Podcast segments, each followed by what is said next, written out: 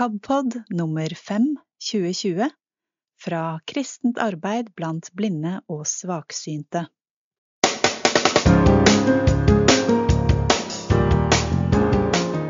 Hvordan føles det når man har en synshemming og samfunnet åpnes opp etter de strengeste koronatiltakene? Dette aktuelle temaet tar KABs samtalepanel opp under ledelse av Frank Tangen. I år er det 75 år siden freden kom til Norge etter andre verdenskrig. Kurt Ove Mæland har møtt et tidsvitne som var tolv år da krigen startet. Han har dramatiske ting å fortelle fra Bergen den spesielle våren for 75 år siden. Og hvordan var Jesus i møte med mennesker? I Tro og tanke snakker Benedikte Aas om Jesus som traff en mann med høy utdannelse midt på natta, og han het Nikodemus. I Synlige stemmer får du lytte til Helena Reddings humoristiske betraktninger om beistet, dvs. Si tandemsykkelen som hun er blitt så glad i. KAB har også startet en rekke tiltak under koronakrisen.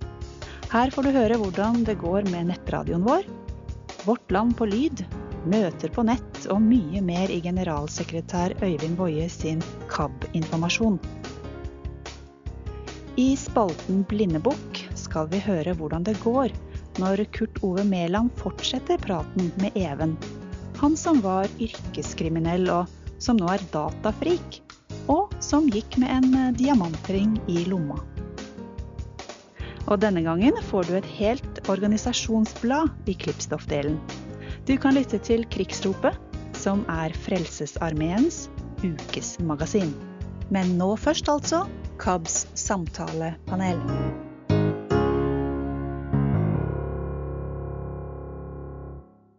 Eh, nytt i KAB-pod i dag. Vi har eh, trommet sammen et eh, panel til en uhøytidelig refleksjon over et par aktuelle temaer. Og her sitter i veldig god koronaavstand. Jeg tror minsteavstanden mellom deltakerne her er sånn fem mil, og så er det vel oppe i nærmere 1000. Det er Heidi Halvorsen, kjent bl.a. som skribent i Synlige stemmer og som poet. Eh, Finn Tor Eivik, som de aller fleste lytterne våre vil eh, kjenne som bidragsyter i Tanker om tro. Og Hilde Løven Grumstad, organisasjonsdiakon i KAB. Det er jo litt av en tittel. Jeg visste ikke at organisasjoner trengte diakoner, men det er jo sånn. Jeg bare kaster ut et spørsmål til dere nå. Er det noen fordeler med denne koronasituasjonen? Heidi? Ja, jeg har egentlig likt at dagene har vært litt roligere, fordi alt, eh, alt er jo avlyst, holdt jeg på å si. Så slipper man å se så mye på klokka. Du da, Finn Tore? Um, jeg er litt usikker på om at jeg vil bruke uttrykket fordel, men, men um, uh, vi har i hvert fall uh, hatt nå en periode der, uh, som vi nok har lært forskjellige ting av. det at vi er kommet i en situasjon der vi må forholde oss til hverdagen, til andre mennesker, til, ja, altså til de daglige ting. Eh, veldig mye av det på en helt annen måte. Og det, det tror jeg det har skapt utfordringer, eh, problemer om man vil, men, men, men, det har også vært en lærdom som jeg tror vi i etterkant kanskje mer vil se på som ja, ikke en, ikke en fordel, men, men en, eh, en, lærdom som vi kan ta med oss. Eh, det tror jeg. Og Hilde, da, du har, fått, eh, du har hatt mye hjemmekontor, du? Mm. Det kan man jo like. Men jeg kan nok kjenne på at uh, i starten så var det litt deilig. Man fikk ned skuldrene og på en måte Alle var i samme båt. Uh, det, er god, det er en god opplevelse. Jeg tenker For de som har opplevd noe litt dramatisk, så kan man tenke at nå er det, andre, nå er det flere som skjønner hvordan det er. Um, men så tenker jeg vel at nå begynner det på en måte å holde. Jeg syns veldig mange har blitt veldig kreative, og vi skal lære så veldig mye nytt. Eh, F.eks. alt dette datagreiene. Så jeg tenker at nå, nå har vi vel egentlig pika. Nå kan, vi, nå kan vi slappe av litt, kan vi ikke? Heide, Heidi, du er tilbake på jobb som fysisk. Du jobber i videregående skole, ikke sant? Ja, jeg er ikke egentlig så veldig tilbake, men jeg har fått lov å komme på jobb én dag for å følge opp enkeltelever som har litt spesielle tiltak. Mm. Det, det, medførte noen uh, litt artige problemstillinger i forhold til disse reglene om å holde avstand? Ja, når jeg, er helt blind, uh, å holde to meters avstand til folk jeg ikke ser, er ikke så veldig enkelt. Er det veldig få rundt, så kan de holde avstand til meg, men når det blir noen flere, så, så blir det komplisert. Og jeg prøvde å sjekke ut litt uh, William, som ikke kommer for nær folk heller, i forhold til smitte. Mest for dems skyld. Uh, så får jeg veldig mange forskjellige tilbakemeldinger fra, fra ulike Det kommer an på hvem jeg spør, da, i forhold til uh, hva slags tilbakemeldinger jeg får om hva som er greit og ikke greit. Hva er det morsomste rådet du har fått? Du, det var fra en som jobber med arbeid og sansetap på hjelpemiddelsentralen. Han råda meg til å, gå med en to meter lang stokk mellom meg og liksom, en ledsager. så det, kanskje ikke hadde funka helt. Jeg, jeg får sånne indre bilder skjønner du, av at uh, du da går med liksom to meter stokker i alle retninger på den videregående skolen din. Det hadde blitt fint. ja. Nei, men Det er jo godt at noen kan gi oss litt uh, praktiske råd.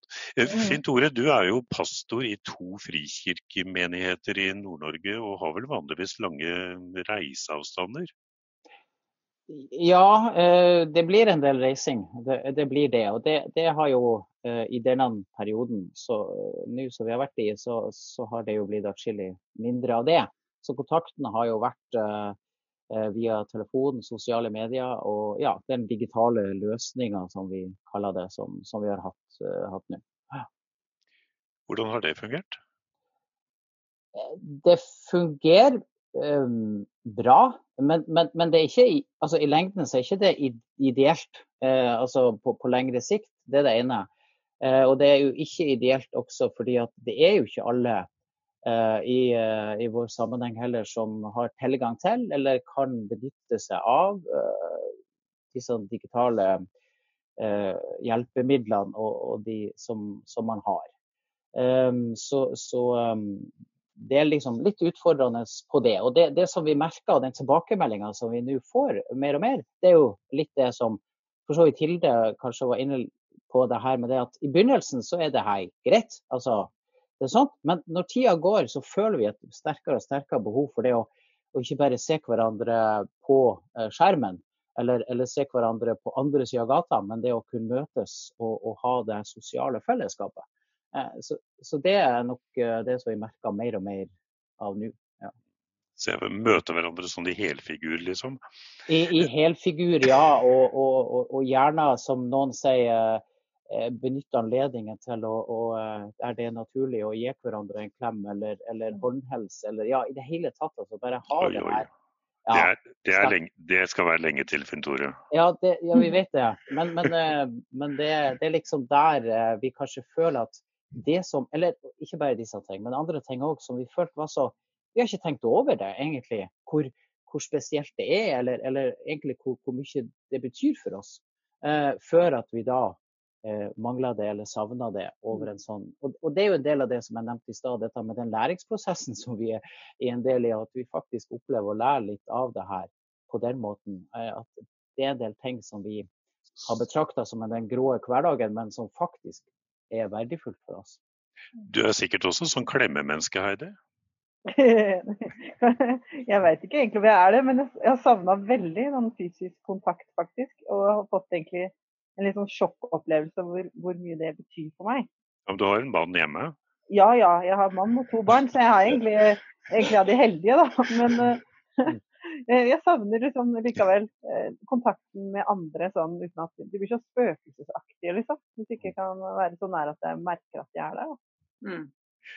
Eh, Hilde, du har jo da, når du har liksom sittet på dette hjemmekontoret ditt, eller ikke bare liksom, du har jo vært der, og du har brukt veldig mye tid til å ringe og snakke med folk som KAB har kontakt med. Hva, ja. hva slags bilde har du sittet igjen med? Nei, det vet du hva, det er vel det samme bildet som hvis jeg hadde ringt til hvem som helst, uh, hvor som helst. Veldig stor forskjell. Uh, får nok inntrykk av at de som bor sammen med noen, uh, og kanskje gjerne har en ektefelle som er seende, der går livet sin gang, og det er faktisk ganske hyggelig. Man spiser god mat og alt det der. Eh, men man savner jo liksom litt kontakt med barn og barnebarn, kanskje. Og så er det vel mer de som, som bor helt alene, da. Som faktisk kanskje har en støttekontakt eller et eller annet som handler mat for dem og setter den i en pose på trappa. Uh, that's it. Det er klart at da for de, for de som i utgangspunktet har det litt for isolert, får det enda mer isolert. Mens de som ikke kjenner på den isolasjonen ellers, da går det greit, liksom. Så ja. Nå skal kirker og menigheter åpne igjen snart med en masse sånne begrensninger. Eh, dette har vel du også, Finn Tore, fulgt med på siden du eh, jobber i Frikirken. Eh, nå skal det åpnes for 50 mennesker på hver, hvert arrangement eller hver gudstjeneste, med én meters avstand også Eh, Heidi, kanskje først. Hvordan tror du dette kommer til å fungere for synshemmede? Eh, jeg tenker at jeg ville ikke turt å komme. altså, hvis jeg hadde hatt med meg mannen min, så hadde jeg kanskje turt det. Fordi altså, det er så strengt. Eller sånn Du skal gå rett til dispenseren, rett til stolen din, rett til det og rett til det. Du skal ikke komme bort til noen andre. Og så tenker jeg Jeg kunne aldri, aldri, aldri ha gjort det aleine. Og da står det såpass mye, i hvert fall i de retningslinjene jeg har lest, da, at det handler jo om selvfølgelig at de, de, som kommer til kirka skal føle seg trygge. Da tenker jeg at hvis jeg kommer til kirka, så føler ikke de andre seg trygge. Nei, det er kanskje en ny opplevelse for deg at du skremmer folk? ja, litt. Men Finn Tore, da du som også er pastor og kommer til å sitte med ansvar for at alle disse reglene opprettholdes, hva tenker du? Ja, eh, på det generelle, vi har jo fått, eh, som alle menigheter, så har jo vi fått tilsendt eh, denne veiledningen som er da gitt ut av Norges kristne råd. Og vi har også fått uh, en del råd og, og, og dokumentasjon fra Frikirka sentralt.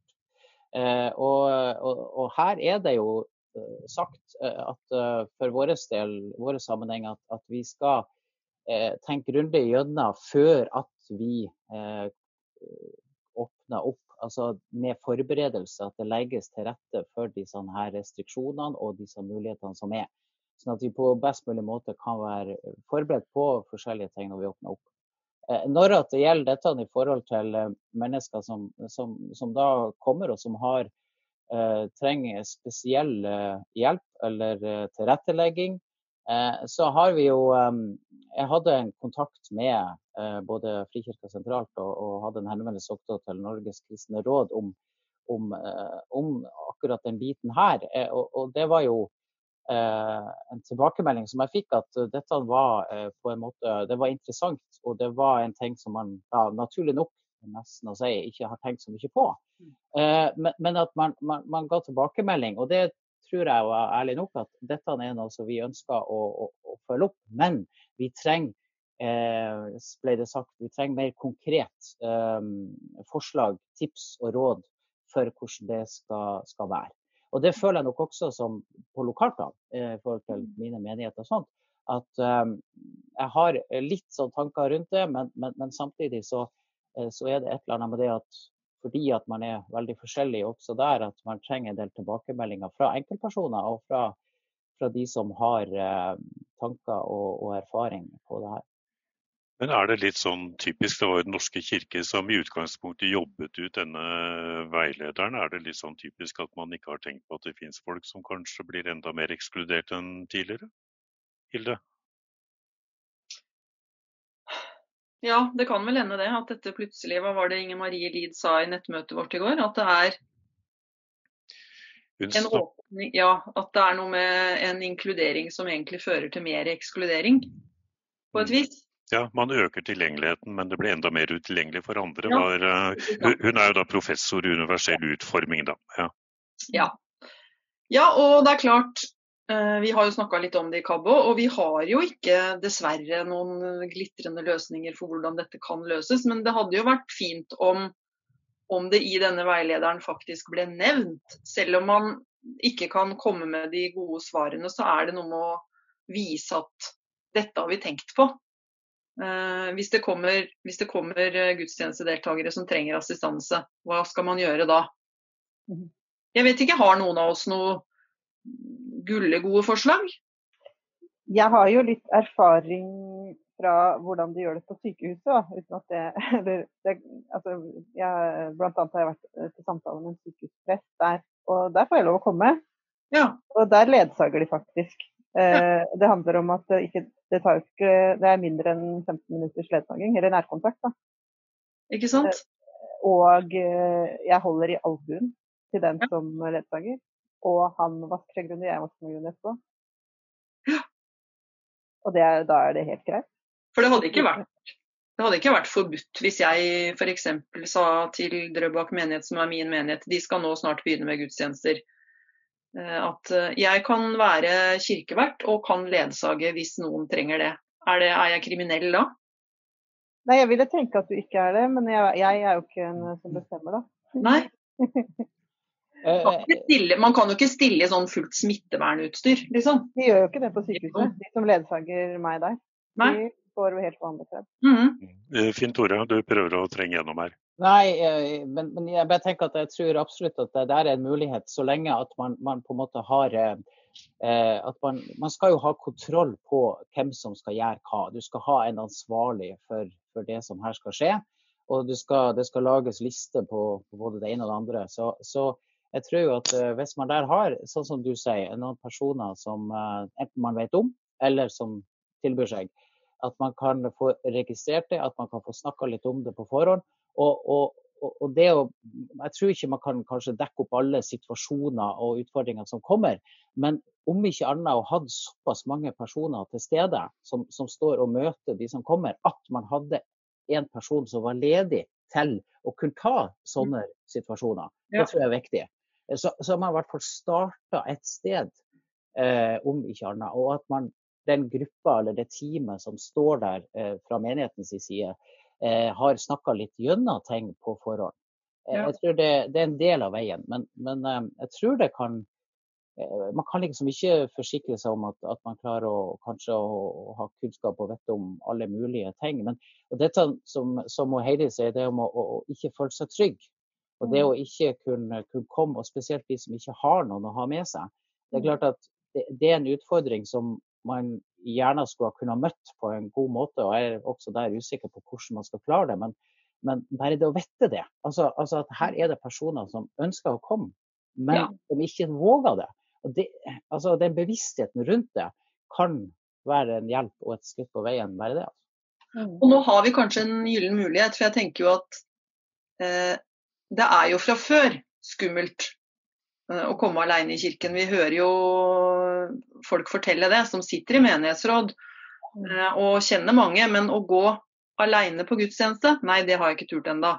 Mm. Så det er klart at sånn sett så kan jo Kirkerådet tenke at dette går fint, for det kommer jo ikke til å komme en eneste en eh, som trenger assistanse. Altså Da er det jo nesten dum, hvis du tenker at det skal gå bra.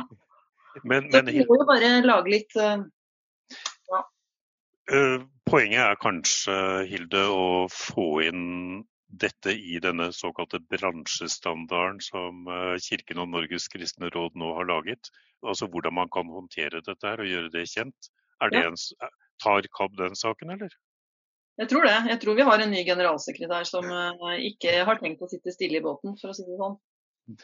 Da får vi bare vente i eh, spenning. Jeg tror kanskje tida vår er ute nå.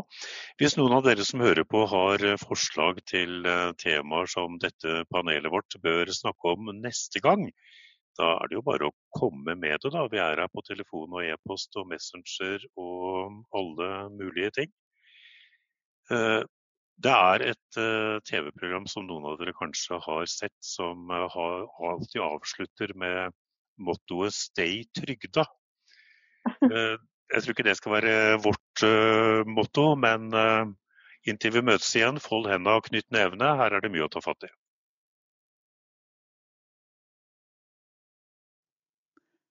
Det er kanskje én ting fra krigen du kunne tenke deg å være en del av, nemlig freden.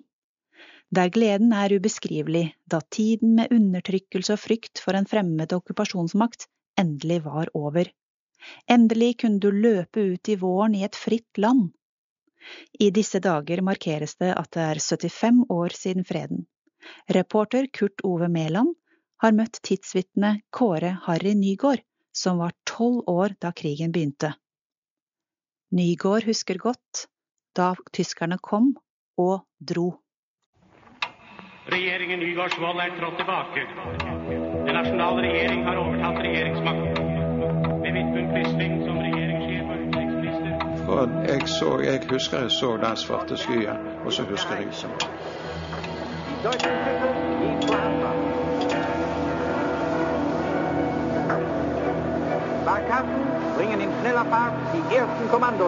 Vi, eh, det ble jo til at vi gikk mot eh, den, gaten som var i Øvre Blekevei, som vi hadde stuevindu ut mot. Og da, da kom det norske soldater fra antageligvis festningen som var rømt derifra, opp gjennom i Blekeveien. Og de var helt forvirret, og de kunne ikke svare på oss, men de sa det var tyske tropper som var kommet inn på festningen. Og de hadde klart å komme seg opp igjen, og de var på vei oppover mot til fjells på en måte. Jeg vet ikke, aner ikke hvor de forsvant hen. Kjære landsmenn. Jeg og min regjering sender i dag en varm hilsen til alle norske kvinner og menn. Gjennom en mørk og vanskelig tid har det norske folk opprettholdt en ubrytelig front mot de tyske undertrykkere og deres hjelpere det ble, det ble, jo det at eh, etter okkupasjonen så fikk vi jo oppleve at flyalarmen gikk, og den har, det har vi ikke vært vant med. Og det viste seg at da var engelske fly allerede på vei over. Så vi fikk jo beskjed om å gå til tilfluktsrom. Og det hadde ikke vi vært vant med. Vi visste at det var tilfluktsrom borte på Stødel i Stølegaten, som Hansa hadde en, et hus der med og vi sa det, Hansa-kjelleren. Og det var under selve bygget så var det en stor kjeller, så de oppbevarte forskjellige kornsorter og sånt. Og der fikk vi slippe inn. Og der var vi hvor mange mennesker vi var inne i der hallen, det aner jeg ikke. Men jeg husker vi, min far hadde fått fatt i sin mor som bodde på Nøstet, og fått han, hun hjem til seg, eller til oss. Og så hun hadde vi med oss i tilfluktsrommet, og hun fikk ligge oppi en sånn uh, ja, det var sånne hyller som de hadde kornsorter i, mens ikke det var noe. Og der fikk eldre mennesker legge seg til laget til, slik at de kunne få ligge. Jeg vil ikke huske, altså Det var en del eldre mennesker som var litt oppgavet, og, og, og men de litt, litt yngre de, de, var litt mer sånn og var oppe og så og, og skulle se om det, hva som skjedde, og, kom ned og rapporterte. eh, du ble jo raskt tenåring under krigen. Hva var det verste med å være tenåring i et okkupert land? Det var jo naturlig at det var 13 år og var ferdig med folkeskolen så måtte vi tenke på videreutdannelse. Og hva skal vi, hva skal vi, hva skal vi nå finne på? Krigstilstand. Hva skal vi utdanne oss til? Hvilke følelser hadde du i forhold til tyskerne? Nei, Som guttunge denne gangen jeg, jeg husker, eneste jeg kan huske sånn, det var at, at vi selvfølgelig da ut på dagen 9. april, og, og vi tørte oss ut. og traff kameraten, og vi lusket oss ned på Øvregaten og, og der med skolen, som vi ikke kom inn på, for den hadde jo de okkupert. Og der sto det tyske soldater vakt utenfor. Og jeg husker at vi sto og snakket med en ganske ung tysk soldat som uh, tydelig ikke Ja, det hørtes ut som han ikke visste hvor han var kommet hen. At han hadde lite begreper om for de hadde, de hadde, aldri fått vite hvor de skulle når de gikk om bord i båten i Tyskland. Det var, det var tyske soldater, og de var, det var unge, mange ungdommer. Og, og, men vi hadde selvfølgelig veldig imot, og vi var anti. Og vi møtte jo nazist, norske nazister og gutter som var hadde foreldre som var aktive da, etter hvert som tiden gikk utover krigen. Og, men de guttene som var barn til De husker jeg at vi, vi var gjerne litt stygge med de og eglet de og, og sa ufordelaktig. Men de gikk aldri hjem til sine foreldre og sa at, at den og den gutten sa sånn og sånn. Så vi fikk, det ble aldri sånn uh, Vi var ikke redd for å snakke åpent oss gutter imellom i den alderen.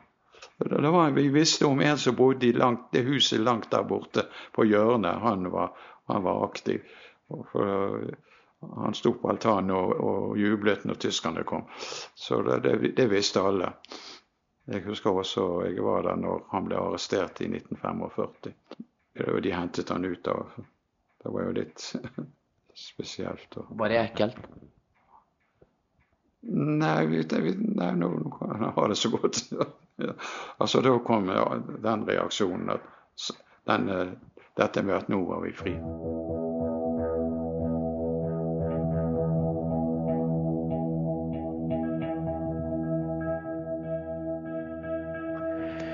Den 20. april 1944 var det en stor eksplosjon i Bergen sentrum. Mange ble skadet, og mange ble drept. Et nederlandsk skip lå til kai fullt av ammunisjon og gikk i luften.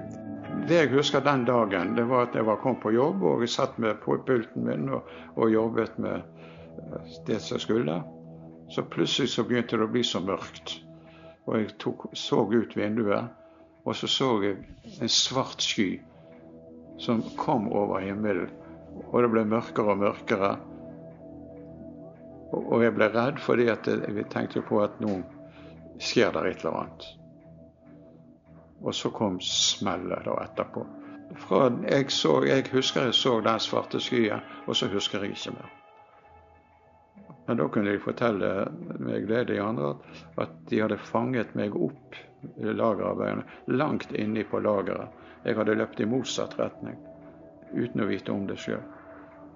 Og De fikk ikke kontakt med meg, så de tok meg imellom seg og bar meg, ikke bar meg, men ledet meg ut av bygningen. Den riktige veien, for å si det sånn. Men da kom jeg til meg sjøl igjen. Vi gikk ned på kaien, og, og, da husker jeg at vi gikk på kaien og så begynte vi å kikke. Da, da kunne vi se innover mot byen. Og da fikk vi se ja, Det eneste vi så, var flammer og røyk. Og så så jeg at Vaksdal Mølle sin bygning sto i fyr, full fyr. Og da tenkte jeg at der var min far. Og han jobbet der. På det tidspunktet, der på den kaien, husker jeg at mine tanker gikk til, gikk til mine, min mor, min bror og min far.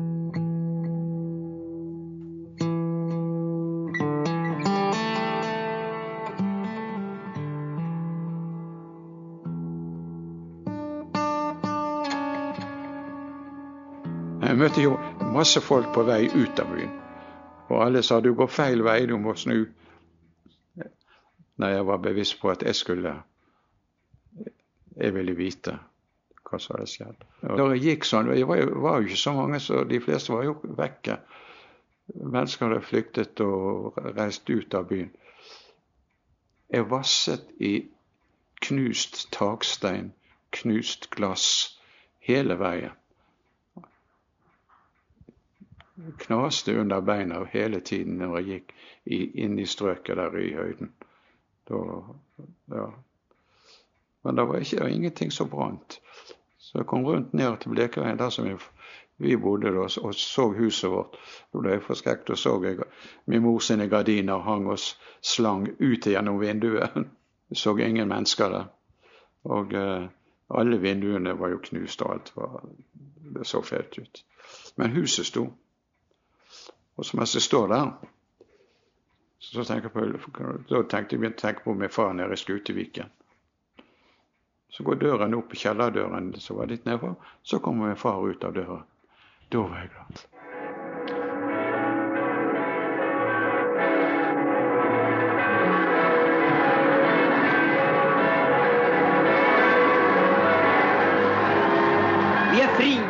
Det er fred.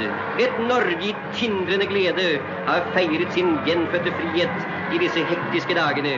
Vi har jublet ut i den gryende vår alle de lengsler og håp Jeg skal si det slik at det som ingen mennesker utenom oss som opplevet det, kan føle, det var den følelsen som vi hadde den 7. mai 1945, da vi sto på Torvaldmenningen. Vi hadde jo ikke radio. Vi hadde jo ikke radio, men vi hadde høyttaleranlegg ute på, på byen så du kunne høre nyheter og sånt. Når vi forsto at, at, at, at, freden allerede var Offisielt var det ikke kommet, men alle visste om det. at, og vi ute på Hegreneset så kunne vi se bort i Nyhavn, og der var Gestapoen og greiene hadde et svært kontorbygg der. Og vi så at de brente alle, alle Det røyk ut av alle skorsteiner. Og nå brenner de alle. Og så hadde vi en, uh, en uh, garnison på Hegreneset som var luftskyts. Det var tyskere som hadde luftskyts på kanten der. De grenset akkurat opp til oss. Og eh, vi hørte på det på de, at de jublet og, og der borte, og da forstår vi at altså de tyske soldatene Da hadde de fått beskjed om at eller fått at, at krigen var, var, for så vidt slutt. altså At det den, gikk den veien. Det var jo den 8. mai som ble den offisielle dagen.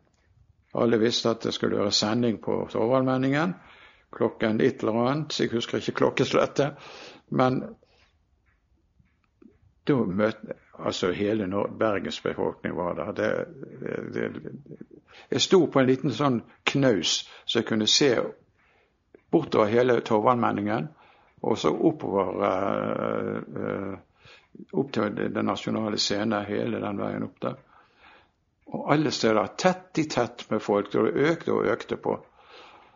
Og vi sto og ventet. Og så kom da radioen at det kom en melding, og Quisling skulle holde en tale. Og eh, det var han som kom og kunngjorde at, at krigen var slutt. Og det ble helt stille. Tusenvis av mennesker. Det var helt stille. Og det, jeg kjenner ennå nå begynner å krible ned i beina mine. Og, så plutselig så, så, var det en som stemte i 'Ja, vi elsker'. Jeg har ikke lov til å synge den hele krigen. Og så begynte alle å synge 'Ja, vi elsker'. Og den følelsen og den gleden som var inni kroppen vår, den er det ingen som kan forstå. Jeg har aldri opplevd den samme, samme siden i livet. Jeg har opplevd, hatt mange gleder og mange gode minner, men akkurat den følelsen, og jeg har hørt andre si, den kan ikke forklares. Ingen som kan forstå det. For det var liksom skillet så sang vi 'Ja, vi elsker', og så sang vi kongesangen. Tusenvis av mennesker. Torvaldmenningen, Ole Bulls plass. Tyskerne var ikke å se. De var fått beskjed å holde seg i sine garnisoner. Det som også var Når kunngjøringen over radioen var sendt, og vi liksom, folk var begynte å bevege seg, så rullet verdens største norske flagg ut fra Sundtbygget fra taket og nedover hele fasaden. Da hadde de laget det ferdig før, krig, før krigen var slutt. Altså.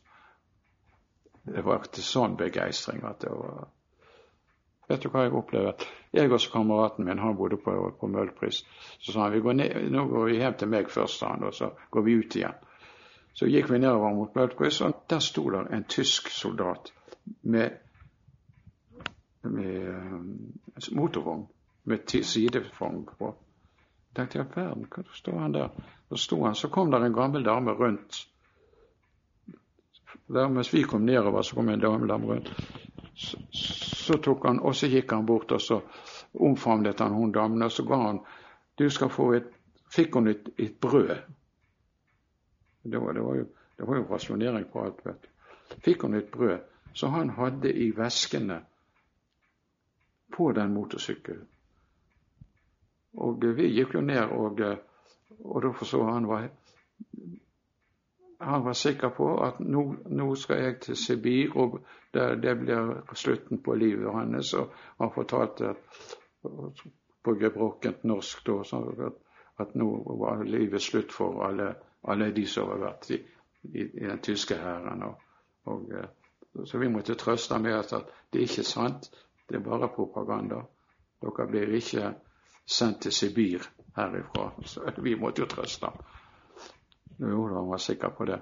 Men da sto han der og skulle og ga vekk brød til folk som kom forbi, og som var mangelvare også på den tiden.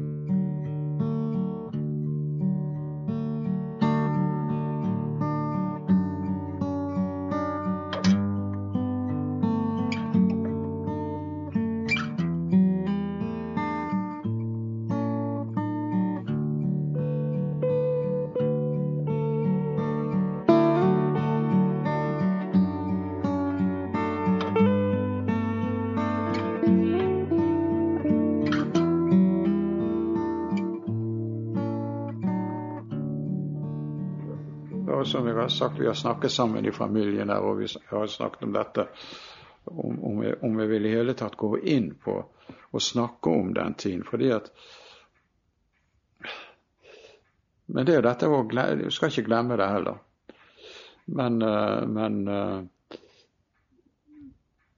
det er så mange positive og gode ting som jeg sjøl har opplevd gjennom hele livet, og, og som har betydd og betyr veldig mye for meg.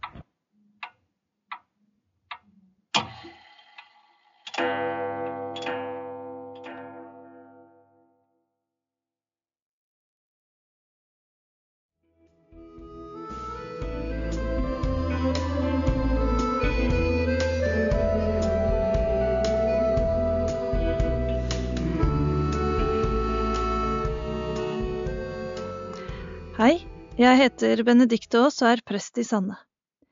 I dag vil jeg dele noen tanker med dere om tro. Vi skal eh, møte Nikodemus i Johannes 3. Jesus og Nikodemus Medan han var i Jerusalem i påskehøgtida, kom mange til tru på navnet hans, for de så de teikna han gjorde. Men Jesus var ikke fortruleg mot deg, for han kjente alle, og han trong ikke at noen skulle vitne om mennesket. Hva som bodde i mennesket, visste han sjølv. Kapittel 3 Det var en mann som het Nikodemus. Han var fariseer og satt i rådet til jødene. Han kom til Jesus om natta og sa, Rabbi, vi veit at du er en lærer som er kommet fra Gud, for ingen kan gjøre de teikna du gjør, uten at Gud er med han. Jesus svara og sa til han, Sannelig, sannelig, jeg sier deg, den som ikke blir født på nytt, kan ikke se Guds rike. Nikodemus sier til han, Hvordan kan ein som er gammal bli fødd? En kan vel ikke komme inn i morslivet igjen og bli født andre gongen? Jesus svarer, Sannelig, sannelig, jeg sier deg, den som ikke blir født av vatn og ande, kan ikke komme inn i Guds rike. Det som er født av kjøtt, er kjøtt og det som er født av Anden, er ånd. Undra deg ikke over at jeg sa til deg, de må fødast på nytt. Vinden bles dit han vil. Du høyrer han suser, men du veit ikke hvor han kjem fra, eller hvor han fær. Slik er det med hver den som er født av Anden. Hvordan kan dette gå til? Spurte Nikodemus. Jesus svara, Du er ein lærer for Israel og veit ikke det? Sannelig, sannelig, jeg sier deg. Vi taler om det vi veit, og vitner om det vi har sett, men de tar ikke imot vitnesegna vår. Dersom de ikke tror når jeg taler til dykk om de jordiske ting, hvordan kan de da tru når jeg taler til dykk om de himmelske? Ingen har stiget opp til himmelen uten Han som steg ned fra himmelen, menneskesonen, som er i himmelen. Og slik Moses lyfte opp ormen i øydemarka, slik må menneskesonen lyftes opp, så hver den som tror på Han skal ha evig liv. For så elska Gud verda, at han ga sønnen sin, den einbårne så hver den som tror på Han, ikke skal gå fortapt, men ha evig liv. Gud sendte ikke sønnen sin til verden for at han skulle dømme verden, men for at verden skulle bli frelst ved Han. Den som tror på Han, blir ikke dømt. Den som ikke tror, er alt dømt fordi han ikke har trudd på navnet til Guds eidbårne sønn. Og dette er dommen. Lyset er kommet til verda, og menneska elska mørket mer enn lyset, for gjerningene dera var vonde. For den som gjør det vonde, hater lyset, og kjem ikke til lyset, så gjerningene hans ikke skal komme opp i dagen. Men den som følger sanninga, kjem til lyset, så det skal bli klart at gjerningene hans er gjorde i Gud. Nikodemus var en mann som bodde i Jerusalem. Han var skriftlærd og fariseer og medlem av Det høye råd. Han var derfor en mann med mye innflytelse og makt i byen. De skriftlærde kunne skriftene og teologien, loven og skikkene. Som fariseer var han medlem av det partiet og Det høye råd, ja, vi kan kanskje kalle det for vårt storting. Han blir nysgjerrig på Jesus. Hvem var han, han som gjorde så mange tegn og under, og blir nysgjerrig på den læren som Jesus formidler. Men nettopp kanskje fordi han har den posisjonen han har, våger han ikke møte Jesus på dagen men kommer til han på natten. Jeg tenker at også vi noen ganger kjenner på den usikkerheten å møte Jesus på dagen. Kanskje vi også er redd for å være for kristne eller religiøse. Og vår nysgjerrighet, våre spørsmål, det vi undrer oss over, tar vi med oss til Jesus som en hemmelighet om natten. Derfor er jeg glad for at vi har Nikodemus. Jesus møter ham når han kommer. Men han møter han kanskje på en annen måte enn det Nikodemus hadde forventet. Nikodemus forstår ikke alt det Jesus sier til ham. Kanskje blir han mer forvirret enn det han var da han kom. Og underveis i samtalen så faller han ut, og Jesus fortsetter å snakke. Jeg tror ofte møtene vi har med Jesus blir annerledes enn det vi hadde tenkt, slik det ble for Nikodemus. Det er ikke alltid vi forstår ting med en gang. Som regel kommer ikke troen som noe ferdig i møte med Jesus. Nikodemus er en av de som er et eksempel på det i Bibelen. Vi møter han flere ganger. Første gang i Johannes 7. Da tar han Jesus i forsvar. Og i Johannes 21 møter vi Nikodemus igjen. Da har han med seg salve for å salve Jesu legeme etter korsfestelsen og hans død. Nikodemus er underveis og i bevegelse. Troen og relasjonen til Jesus vokser over tid. Og slik er det også med oss. Vi er underveis og i bevegelse. Troen modnes, relasjonen til Jesus blir sterkere. Og kanskje starter det for de fleste av oss i dåpen. I dåpen blir vi født på ny, sier Jesus. Ordet som oversettes født på ny, betyr også født ovenifra et nytt liv sammen med Jesus. Vi får del i Guds rike. Dåpen har betydd noe for meg gjennom livet. Selv om jeg ikke alltid helt kan sette ord på hva det er. Men kanskje handler det nettopp om trygghet og tilhørighet. Jeg hører til Jesus. Jeg er en del av Hans rike. Guds rike forteller Jesus mye om, og det er kanskje kjernen i troen. Guds rike som er her, her og nå. Vi er født inn i denne verden, men vi er også født på ny inn i Guds rike. I Guds rike er ting annerledes. Der skal vi tjene hverandre. Der møtes vi av en ubetinget, grenseløs kjærlighet. Der er vi gode nok som vi er. Der trengs vi. Guds rike er noe av det viktige Jesus vil formidle til oss, at Guds rike er nær.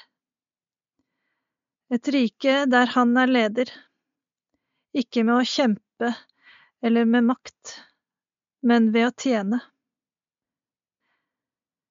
Han gir sitt liv for oss.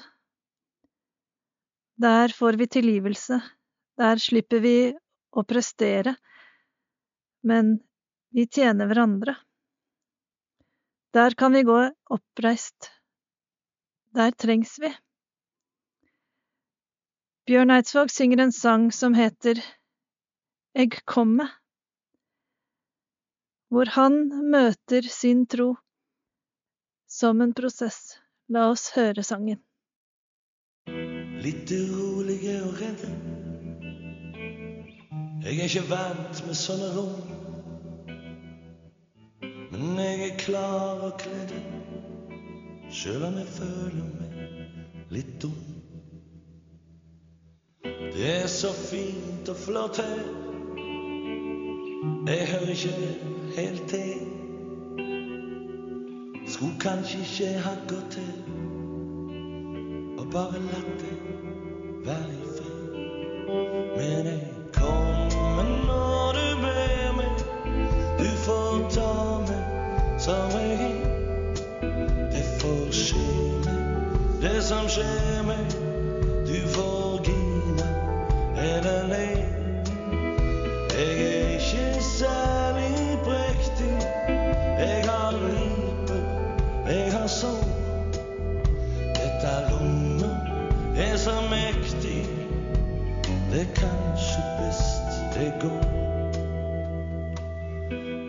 Meg nå ditt ansikt. La meg få vite hvem du er. Fyll meg med tru og innsikt. Jeg er klar for deg. Men gi meg mer enn fine ord. Her er en kamp på liv og død. Be meg heller til et bord. By meg vin og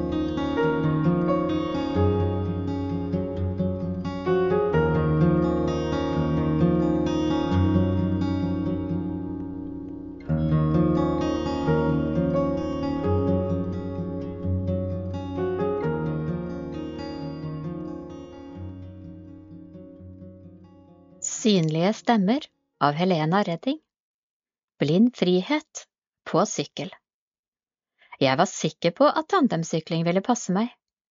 Så oppdaget jeg at nedoverbakker gjorde meg vettskremt. I full fart med livet som innsats bestemte jeg meg for å legge ideen på hylla. Men plutselig var beistet på plass i garasjen. I 2018 ble vi invitert på tandemsamling i Oslo. Jeg gledet meg enormt og var sikker på at tandemsykling ville passe utmerket for ektefellen og meg. Gubben, for å si det mildt, var en god del mindre ivrig og følte vi ikke hadde en tid til en ny aktivitet. Så snill som han er, gikk han dog med på å delta for å prøve herligheten. På samlingen var det både nybegynnere og viderekomne.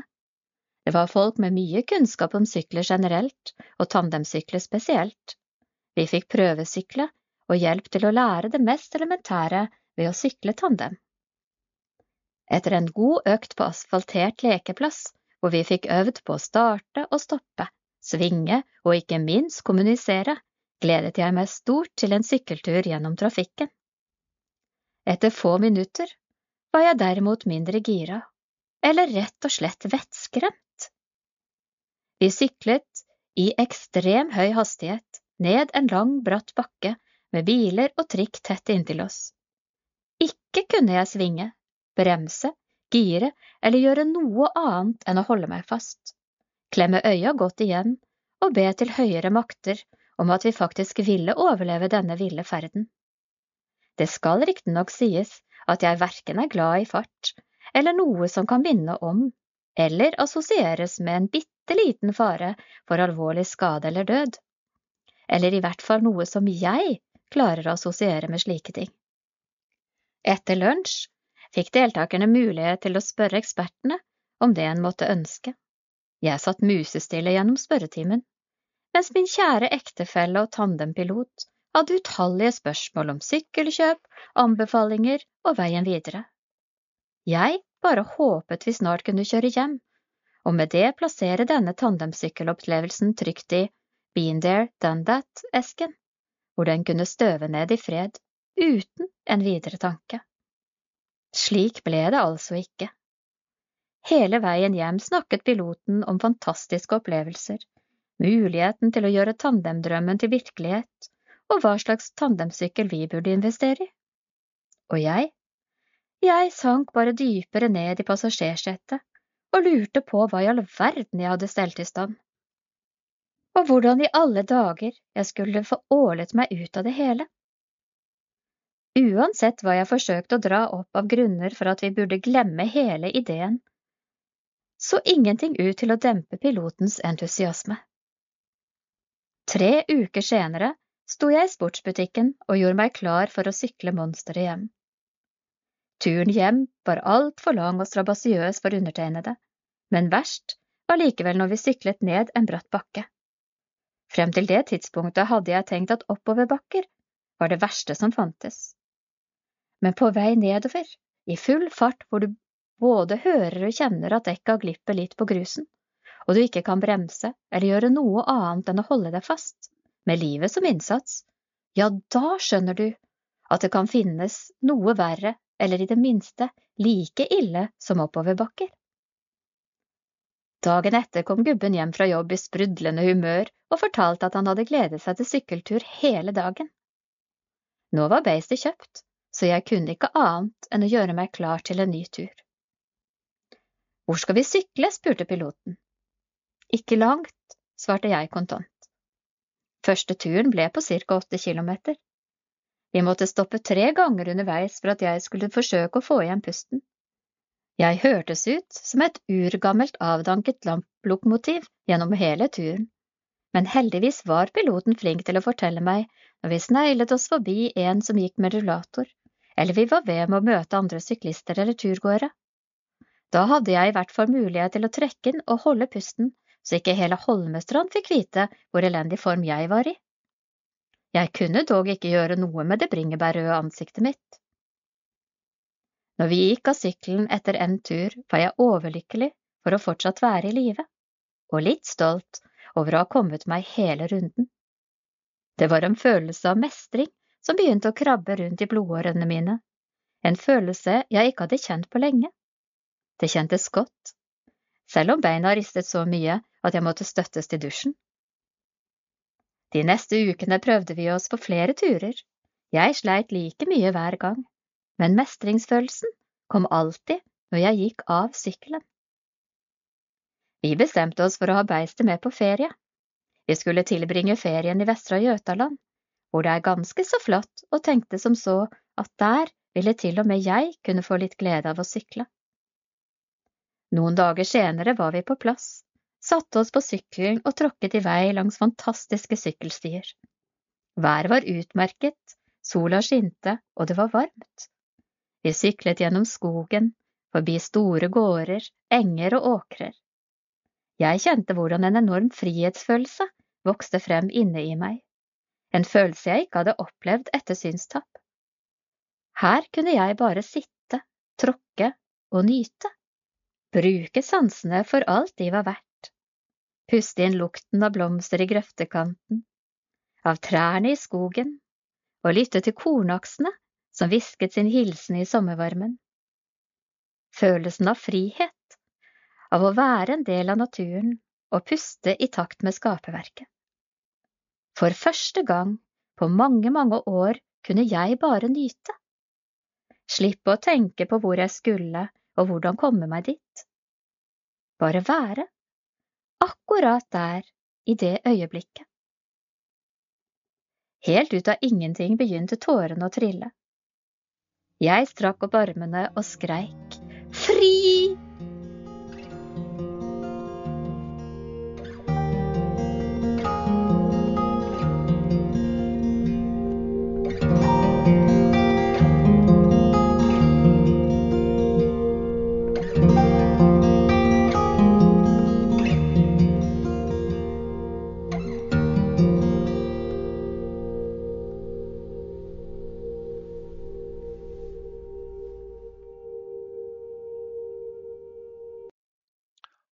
Dette er eh, Øyvind Woie som har gleden av å fortelle deg litt om hva som skjer i KAB, og hva det er greit for deg å vite om framover. Vi lever jo midt i en eh, koronakrise, og mange synshemmede opplever at eh, det har vært en utfordrende periode. Det setter begrensninger for hva du kan gjøre som person, og det setter også begrensninger for hva vi som organisasjon kan tilby. Samtidig så skapes det nye muligheter, og i løpet av de siste ukene og månedene så har vi faktisk klart å etablere en del helt nye tilbud som har blitt godt mottatt.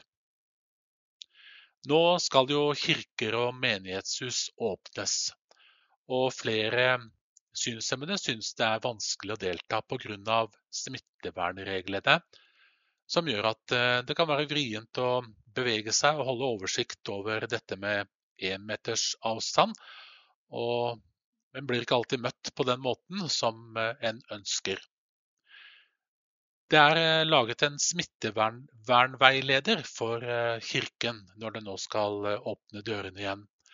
Og vi i KAB har tatt initiativ til å jobbe med en veileder for hvordan synshemmede kan få komme i kirken. Dette er en mangel i veilederen fra Den norske kirke. Den tar ikke hensyn til at det finnes mange medlemmer i kirker og ulike kristne menigheter som har en funksjonsnedsettelse, og en god del av de har også en synsnedsettelse.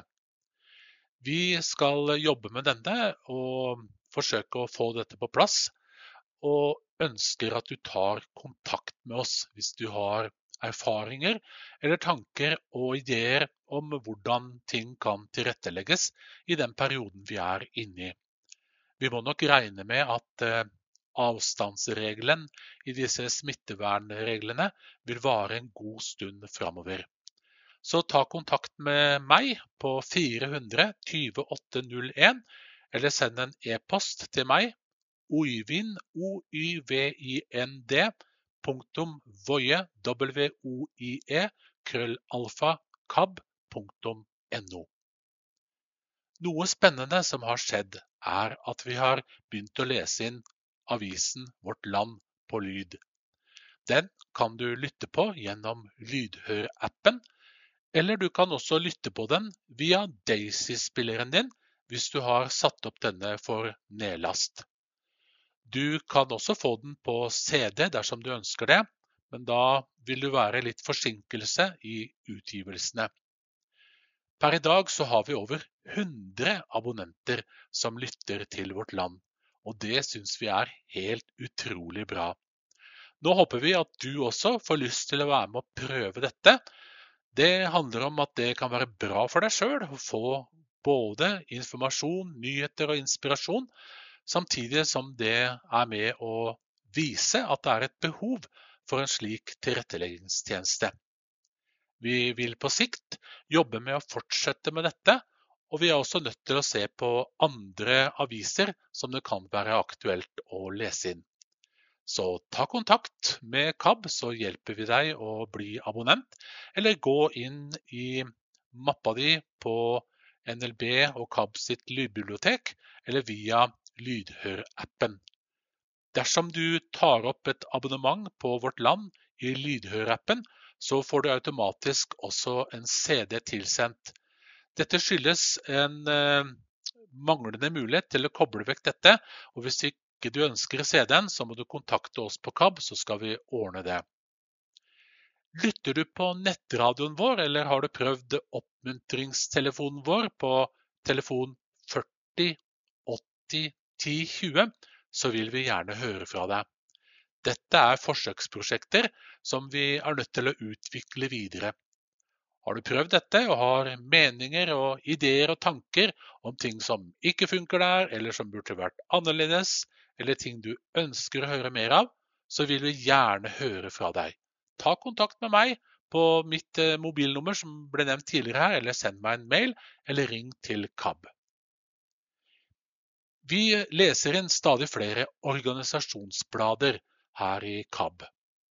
Og det gjør vi fordi vi tenker at det er viktig for folk som eh, er aktive eller medlem i en kirke eller en organisasjon, å få tilgang på informasjon. Det gjør at du vet noe om hva som skjer og hva som rører seg. Du får informasjon om hva din organisasjon eller kirke jobber med, og du kan delta på, mer på lik linje med andre. Vi har en rekke organisasjonsblader som nå er innlest, og disse kan du abonnere på via lydhørappen din, eller på mappa mi, eller på CD, og det får du hjelp, av, hjelp til hos oss dersom du trenger det, eller du kan gå inn og sette opp abonnementene selv. Misjonsbladet, som er siste skudd på stammen, det er altså et eh, blad som utgis av Misjonskirken, eller Misjonsforbundet som det også kalles. Det kan du få helt gratis. Og I tillegg så finnes disse bladene i dag. Agenda 316 fra Nordmisjon. Utsyn fra Norsk Luthersk Misjonssamband. Først fra Den norske Israelsmisjon. Misjonstidene fra Det norske misjonsselskap, Diabetikeren fra Diabetesforbundet, MS-bladet fra MS-forbundet, magasinet Stefanus fra Stefanusalliansen. Du kan også få Sankt Olav katolsk kirkeblad. Du kan få Budbæreren, som er fra Den evangelisk-lutherske frikirke. Og du kan abonnere på Krigsropet dersom du har ønske om å være med og er deltakende i Frelsesarmeen eller vite hva de holder på med. Og vi har også bladet Strek, som er et eh, spennende magasin som utgis av avisen Vårt Land. I tillegg til dette så har vi også trappet opp innlesningen av menighetsblader. Og menighetsblader det er smart å ha for deg som er eh, medlem eller går i en kirke, for da får du informasjon om hva som skjer der, og hva kirken driver med. Vi har nå økt dette antallet til hele 13 stykker. Disse er innlest for forskjellige menigheter rundt i Norge og koster ingenting å abonnere på. Dersom du har et eh, menighetsblad der du bor som du ønsker å få innlest, så må du ta kontakt med KAB. Adressen til eh, KAB E-postadressen er kab.alfakrøll.kab.no. Du kan også ringe til oss. Eh, du finner oss på telefon nummer 6981 6981.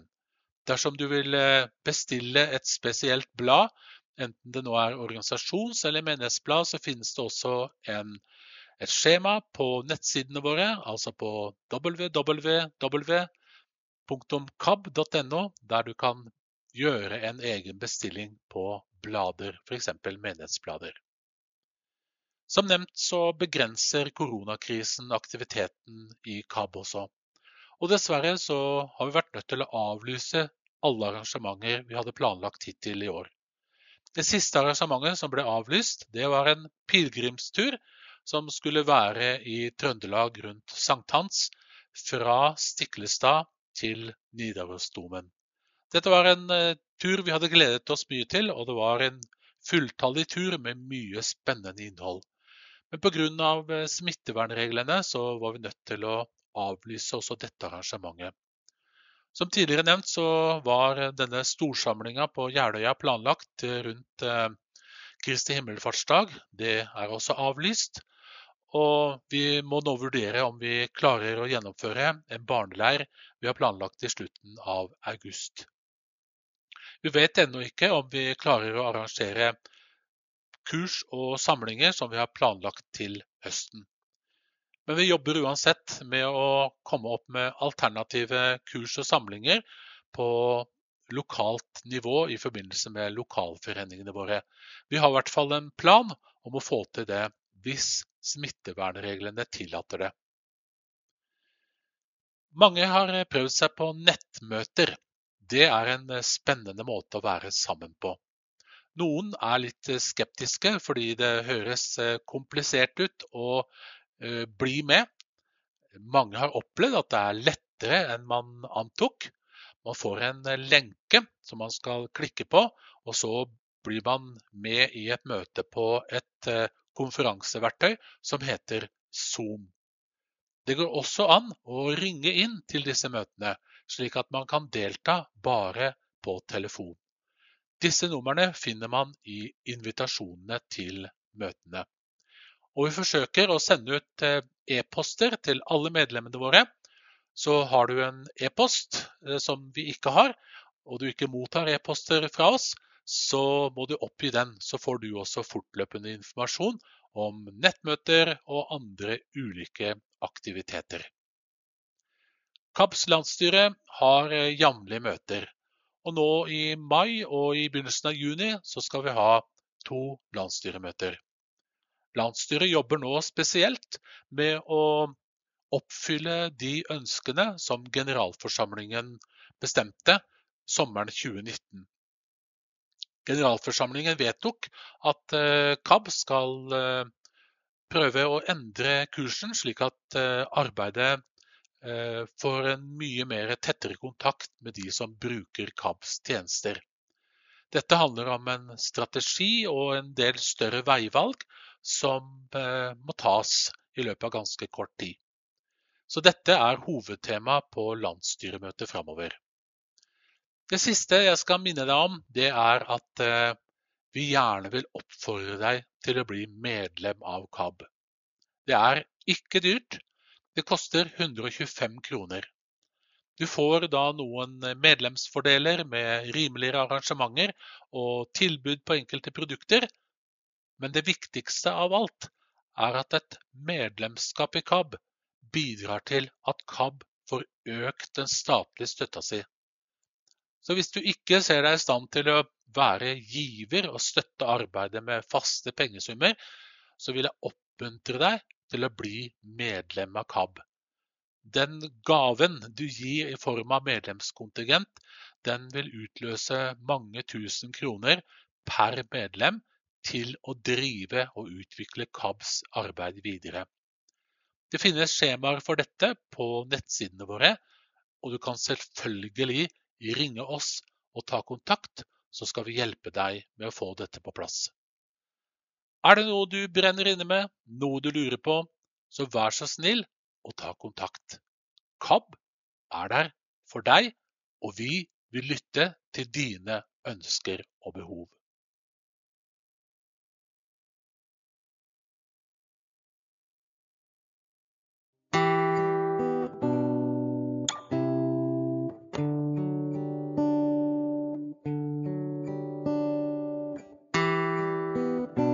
Skal du få møte Even. Du vet han som livnærte seg av å være yrkeskriminell.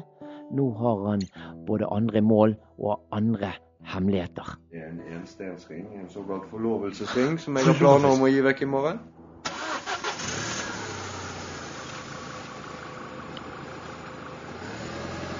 Even var tøff, tok bilen sin og kjørte av gårde og skulle fri på Haukeli fjell.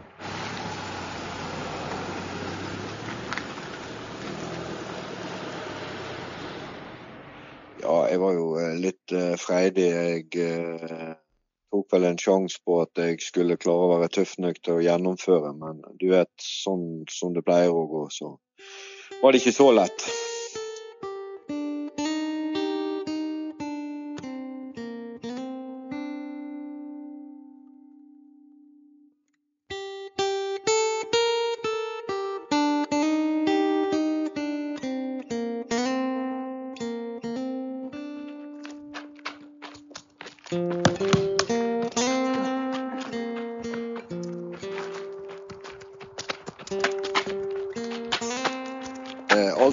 Det, det å være fotballtrener var jo en eh, jobb jeg egentlig ikke hadde eh, sett meg ut at jeg skulle ha. Men eh, jeg fikk muligheten. Han som trente laget hadde fått en familieforøkelse og trengte litt tid. og Jeg fikk lov å begynne som en sånn stolt far som dro laget med videre. Men jeg kommer jo fra en litt sånn skumlere bakgrunn. Og eh, mitt initiativ var mer å få alle sammen med enn å spille god fotball. Og Ja. Det er ikke så forenlig. Nei, da var ikke du populær blant foreldrene. Nei, vi begynte gjerne i første omgang med de beste guttene og ledet til pause. og Det var stor stemning. og Så byttet vi hele laget, og så lot vi resten av laget spille og tapte så det suste. Eh, det var ikke så gøy, men det var i mine øyne den riktige måten å gjøre det på. Jeg fikk jo se litt av breddefotballens problemstillinger. Jeg kom jo fra et uh, ganske ampert miljø. Uh, når jeg til syvende og sist uh, som alenefar var blitt nødt til å ta et valg i livet mitt og forandre litt på bolig og bosituasjon, så var det naturlig å finne noen oppgaver eller eh, noe fyllstoff til livet som gjorde at vi kunne også bygge litt nettverk. Og fotball og annen idrett er jo en veldig god måte både for voksne og barn å få et solid nettverk på. Valget med å kutte alle relasjoner til alle mennesker eh, gjorde at jeg kuttet også til de snille. Eh, det ble liksom ikke noe finsiling, det var alt eller ingenting. Og da måtte jeg begynne helt på nytt og bygge meg opp igjen fra null. Det tok mange år å eh, finne stabilitet. Men jeg brukte de årene så godt jeg kunne. Jeg hadde en eh, periode med en samfunnstjeneste som jeg fikk lov å ha på skolen, som lå ved siden av der fotballaget trente. Så jeg kunne bruke litt av tiden på å bli kjent med ungdom, bli kjent med foreldre, bli kjent med miljøet. Og vise de meg fra solsiden. Mesteparten av datamaskinene jeg reparerte på den tiden, kom jo fra andre likesinnede som hadde maskiner av tvilsom opprinnelse, eh, og som ikke kunne gå i butikken og levere de. Kunnskapen ga meg eh, mulighet til å videreføre tanken. Jeg var en del av et BBS-miljø en stund av livet mitt. Og det åpnet jo muligheten for å kommunisere med veldig mange mennesker. Vi eh, var veldig tidlig med internett og kunne finne løsninger på problemer som andre måtte bruke årevis på eh, å forske. De lå plutselig åpenbart i tekstsamlinger og annet som var søkbart i et enormt arkiv. Og den veien med internett og Eh, ideen om framtiden, visjonen om hva som kom til å skje, gjorde at jeg tidlig hev meg på eh, de store leverandørene. Jeg registrerte meg, jeg deltok på kurs. Jeg forsøkte å skaffe meg et uh, bilde av hva, hva, teknologien innebar og hva som lå i vente. Jeg klarte faktisk å arbeide meg opp til noe som vi på godt norsk kaller for en NDLA, eller en Non-Disclosure License Agreement. Som gjorde at jeg plutselig fikk se hva som skjedde i framtiden, og hva som var i ferd med å skje før presse og andre. Og da ble jeg plutselig en del av et apparat som gjorde at jeg måtte ha, ta vare på tilliten min. For å få beholde statusen, så måtte jeg kunne holde kjeft. parallelt med fotballen, når vi eh, gikk årene der så så vi jo at etter hvert som guttene vokste til, så skiftet miljøet litt rundt de. De fikk nye trenere, og kanskje den gjengen de hadde vært med før, den var ikke så knyttet lenger. Og mange av de gode spillerne som vi hadde, de falt ut til et eh, miljø som jeg absolutt ikke hadde lyst til at de skulle være i. Så da etablerte vi en dataspillklubb som kaltes for Brigade. Og prøvde å la disse ungdommene ta ansvar for seg sjøl og arrangere LAN-parties for seg sjøl og vennene sine.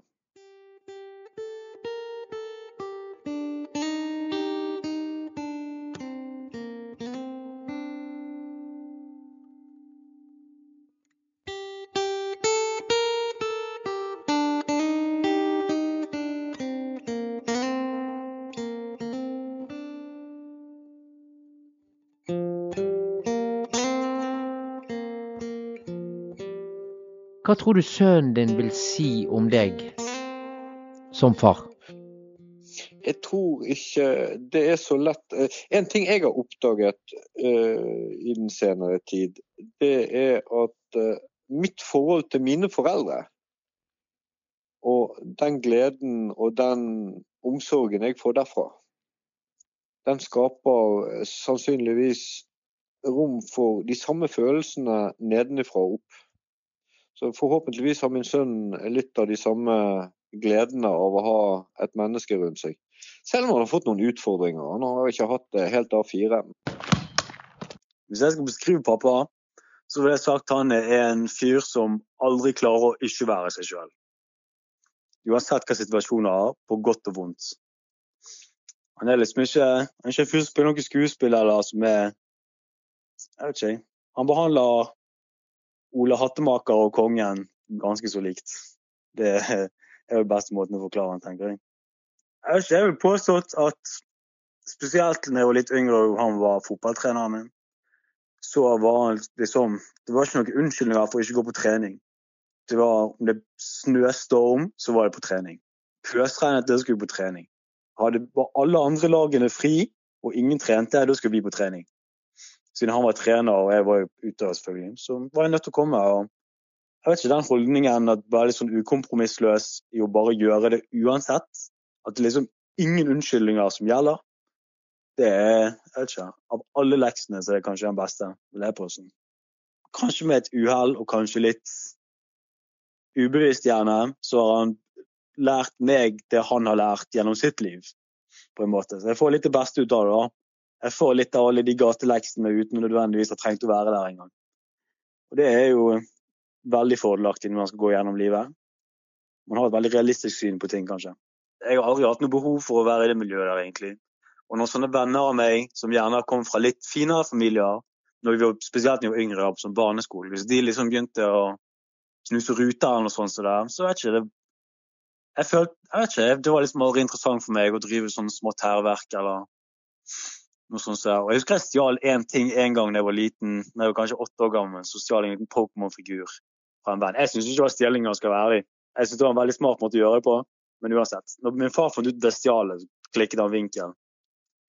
Det er jo gjerne det lengste jeg har gått. Så etter det så Jeg, ikke, jeg har alltid hatt litt sånn merkelig syn på det å stjele. Det har aldri vært min ting.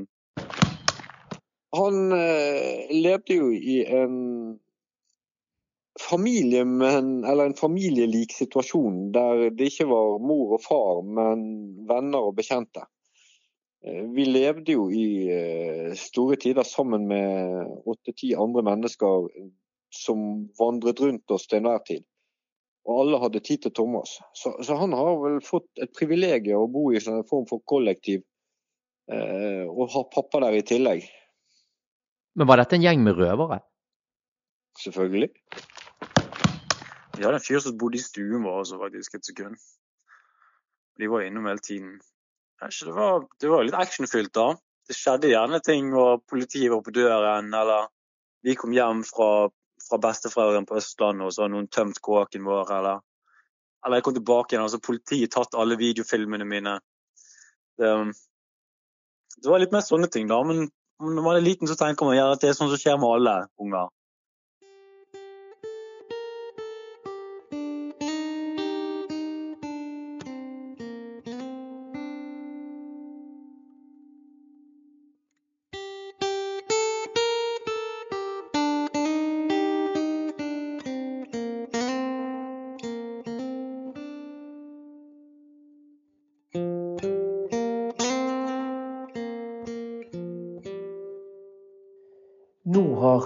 Både du og jeg ventet mer enn nok. Nå må vi få vite hvordan det gikk med forlovelsen på Haukelifjellet.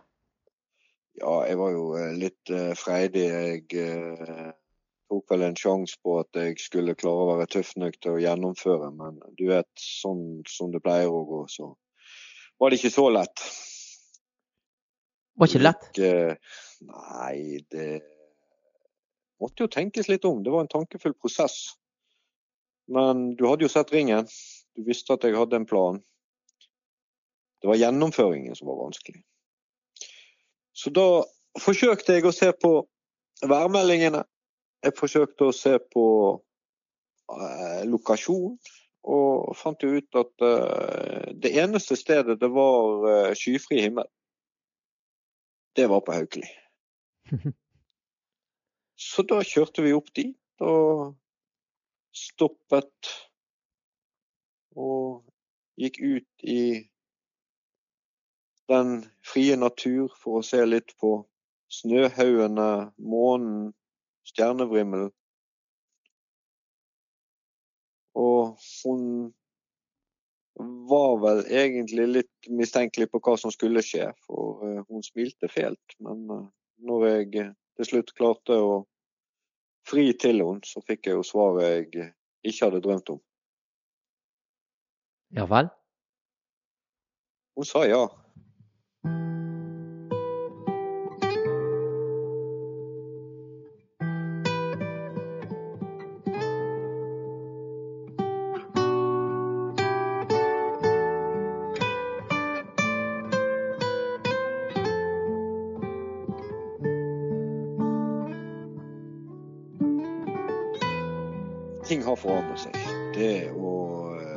Være sammen med et menneske som bryr seg om deg uten å ha baktanker og lære kjærlighet på nytt, det er skremmende, men det er godt skremmende.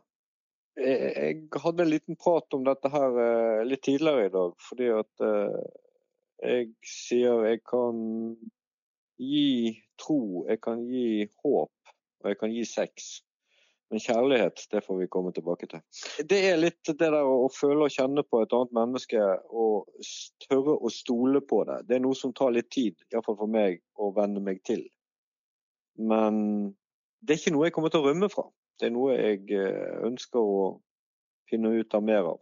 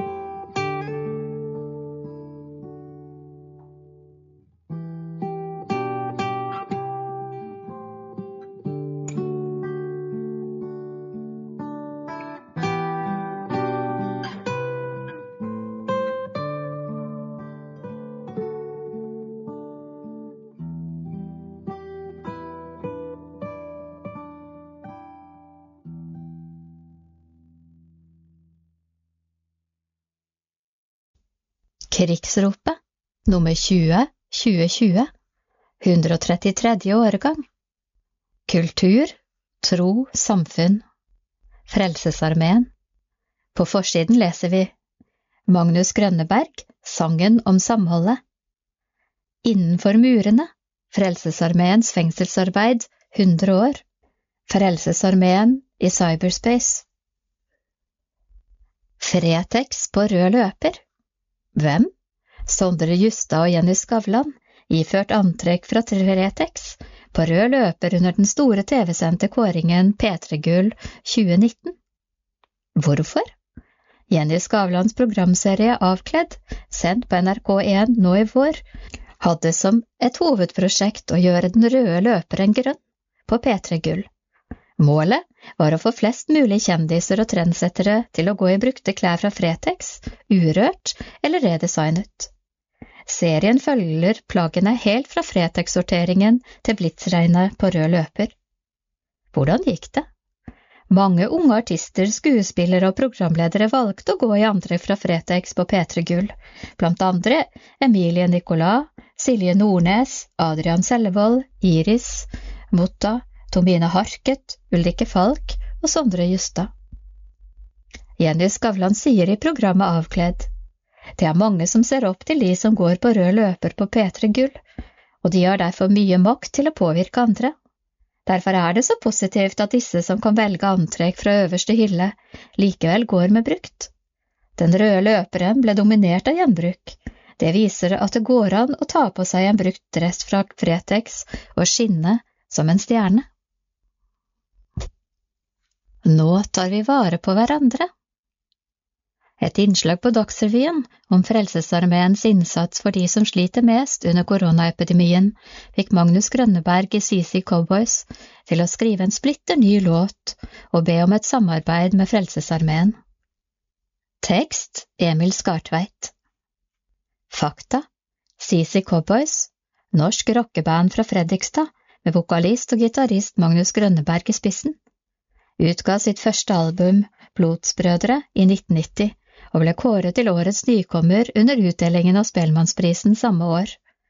Har utgitt ti studioalbum, deriblant Tigergutt, 1992, og Til det blir dag, 2015, og sju singler, deriblant Kanskje du behøver noen, 2009, to livealbum og to samlealbum.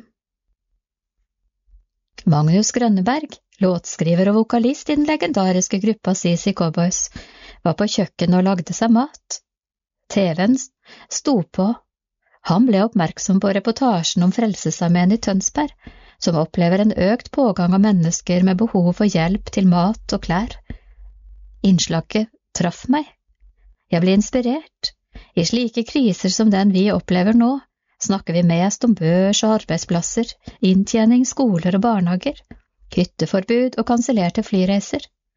Fester man blikket lenger utover, er det mye annet som også rammes.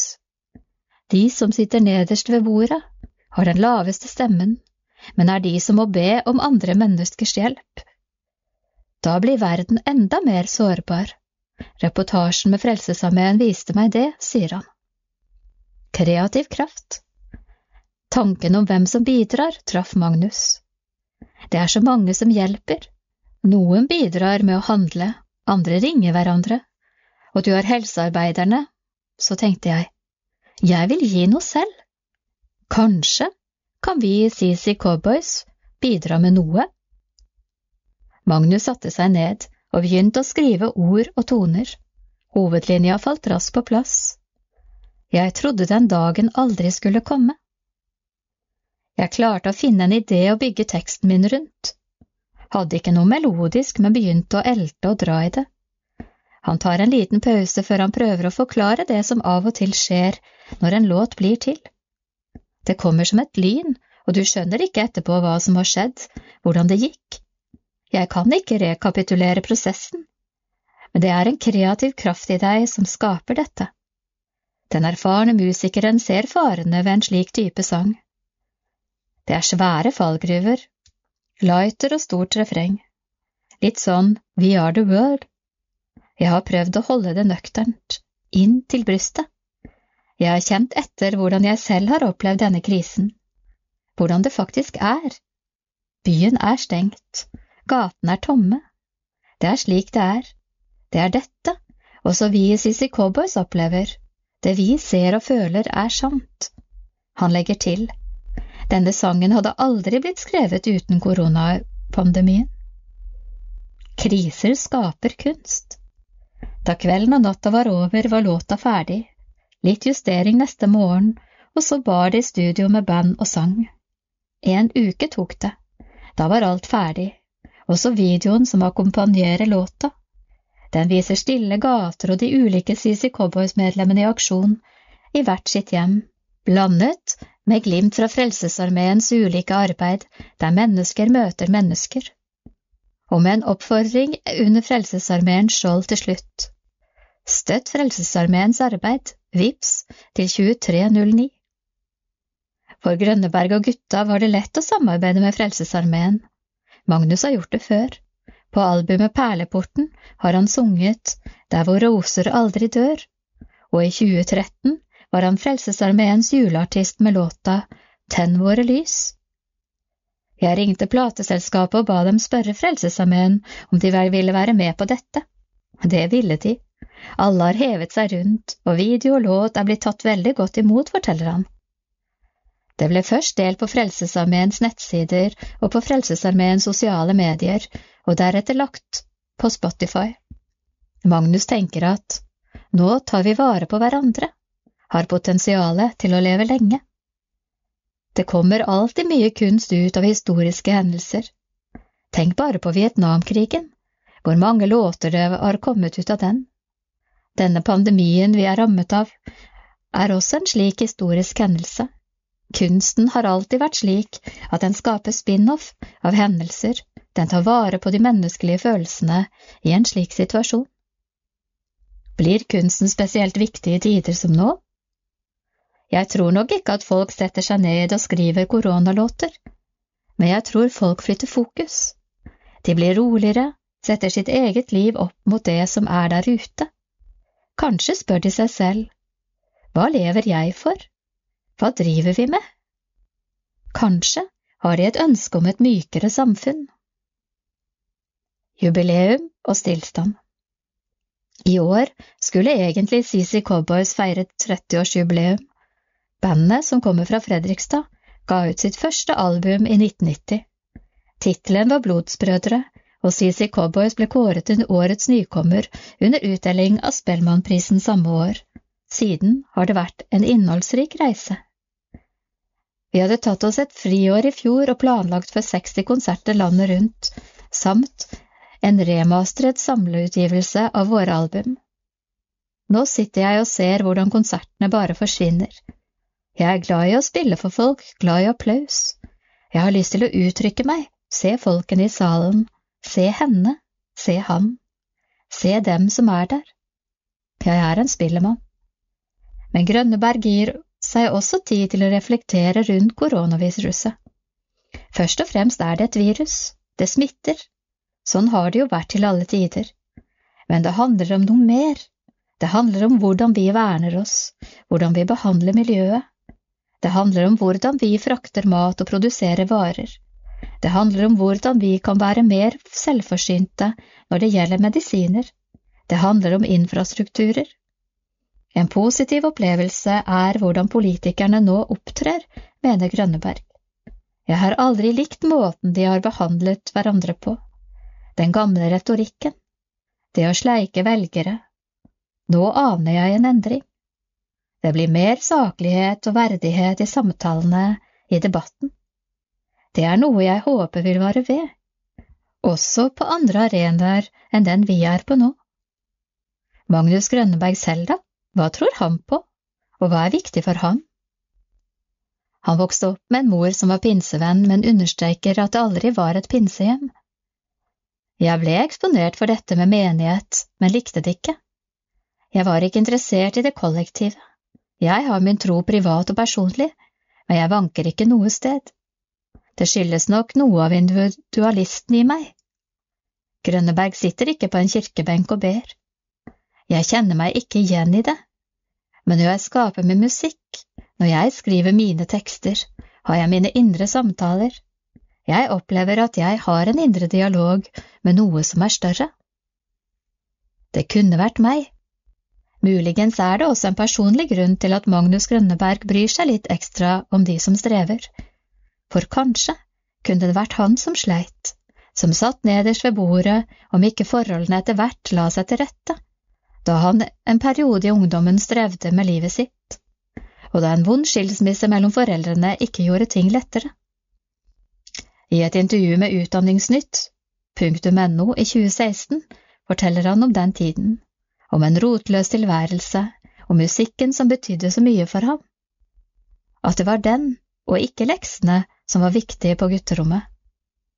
Jeg jobbet ikke mye på skolen, hadde ikke gode karakterer, det hadde med oppveksten min å gjøre, miljøet jeg var i, diverse omstendigheter og sikkert hvordan mitt hode fungerte oppi det hele. Jeg kom hjem fra skolen og slang fra meg ranselen, så spilte jeg gitar, lagde låter og spinket og sparte, så jeg kunne få kjøpt meg min første vinylskive. Karakterene på skolen var så dårlige at han ikke har noen skolegang utover ungdomsskolen, som da var niårig, og som han gikk om igjen et tiende år vann og brød. Men midt i det hele hadde Magnus Grønneberg det han betegner som noe viktige og gode knagger som ga ham forutsetninger for lykke. Kjærligheten, nytten, arbeidet, noe du liker å drive med, kjærligheten i det og til andre. Magnus var heldig, han hadde musikken og fant kjærligheten. Jeg er fortsatt gift med samme kona og jeg har musikken. Det er brød og vann for meg.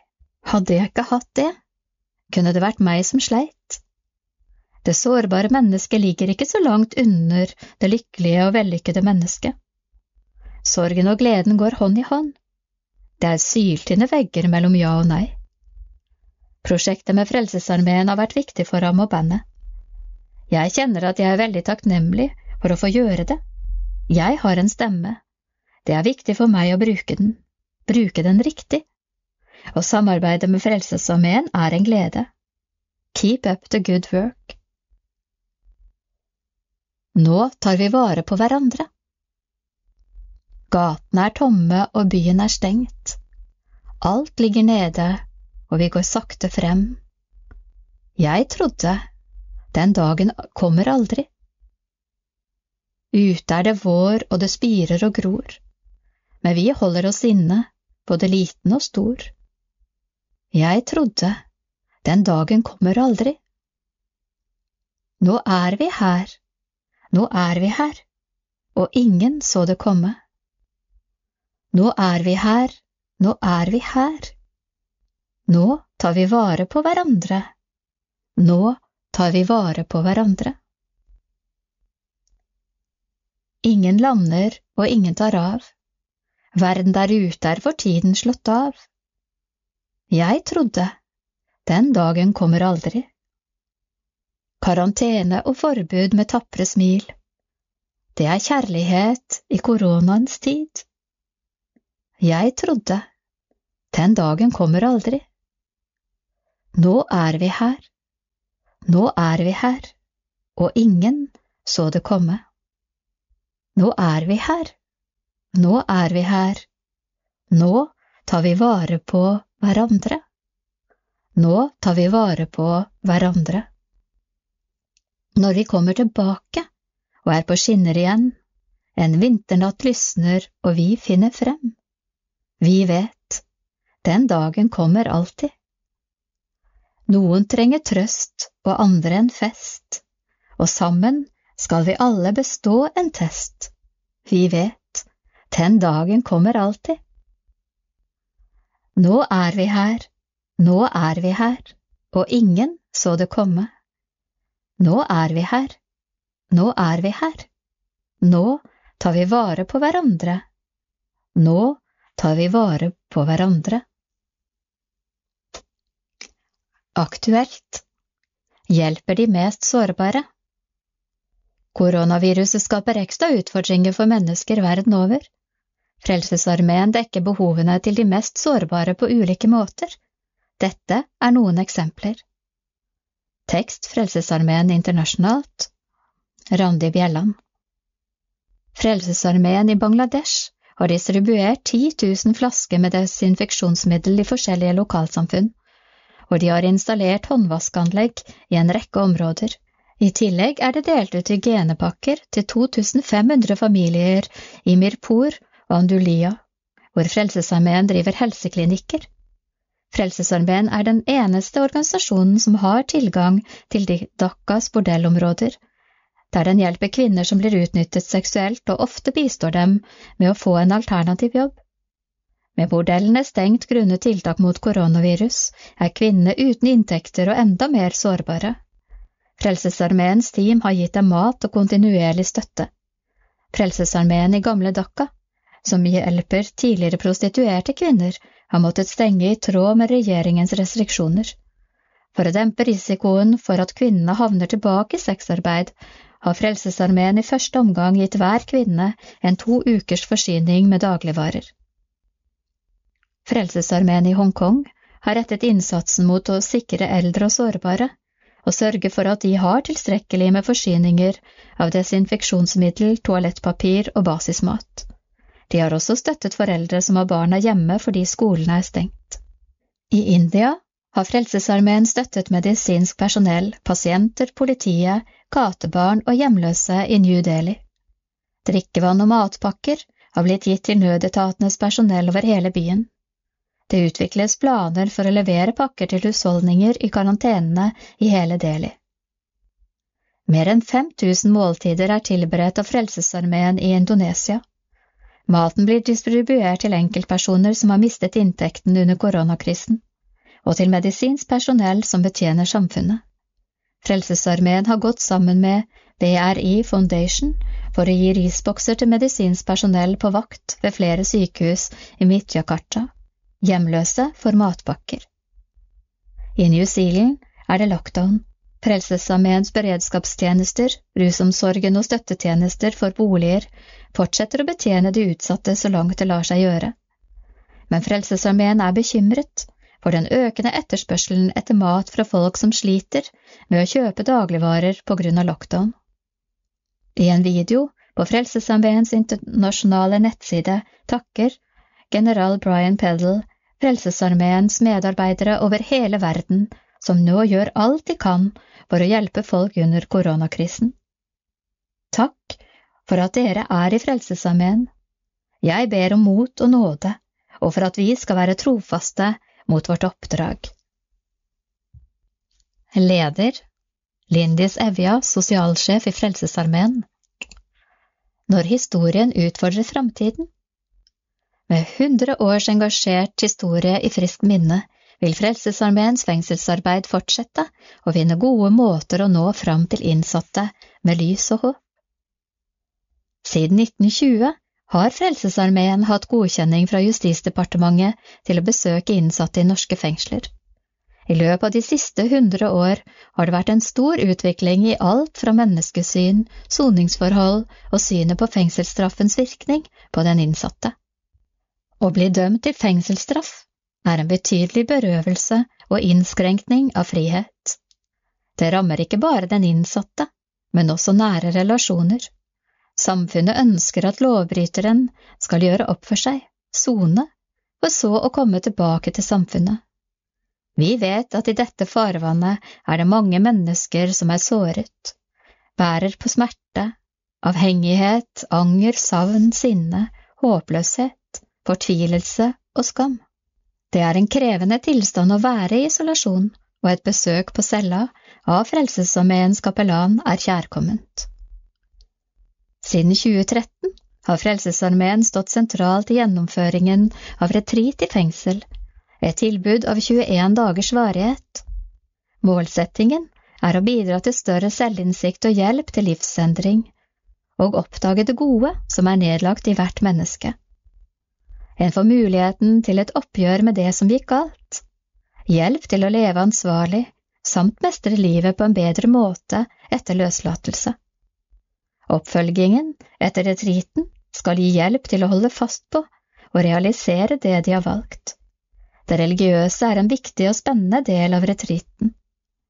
Det brukes kristne tekster og symboler, og det blir holdt morgenbønn og messe hver dag. Mange innsatte har i ettertid fortalt om en dyptgripende forvandling i hverdag og liv. Retreat gjennomføres i nært samarbeid med Fengselsdirektoratet og fengselsledelsen. Alle som er involvert i retreatarbeidet, har et sterkt ønske om å utvide tilbudet slik at det gjennom hele året kan arrangeres retreater med innsatte fra ulike fengsler i landet. For å realisere dette må vi ha egnede lokaliteter tilknyttet et fengsel. Ut fra mange års erfaring drømmer vi om et kloster innenfor Halden fengsel sine murer. Det er nå samtaler om dette med Justisdepartementet og Fengselsdirektoratet. Frelsesarmeens kapellaner har i mange år også arbeidet blant kvinnelige innsatte. Flere av kvinnene er ofre for menneskehandel. De rundt 180 kvinnene som til enhver tid soner i norske fengsler, er en minoritetsgruppe med dårligere soningsforhold enn menn. Det resulterer i at kvinners rettigheter, sikkerhet og behov ikke blir tilstrekkelig ivaretatt. Vi vil fortsette å påvirke politikere til å bedre soningsvilkårene for kvinnelige innsatte. Frelsesarmeens prosjekt, Safe Way Home, arbeider med å etablere en tidlig kontakt med utenlandske innsatte, både kvinner og menn, som blir utvist etter soning. Gjennom samtaler og veiledning kan kapellanen og den innsatte finne ut hvilke muligheter som finnes ved retur til hjemlandet. Gjennom Frelsesarmeens internasjonale nettverk kontaktes Frelsesarmeen i mottakerlandet. Om Frelsesarmeen ikke finnes i det aktuelle landet, blir andre organisasjoner kontaktet. Det handler om å bli møtt på flyplassen og bli introdusert for nye nettverk. Det gis råd, veiledning og eventuell hjelp til gjenforening med familie og venner.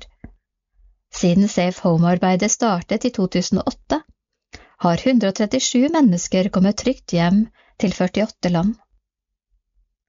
Frelsesarmeen vil fortsette å arbeide for at de som soner lange straffer, skal få muligheten til å sone den siste tiden i åpen soning, der det er mulig å få arbeidstrening, botrening og en myk overgang til livet i frihet.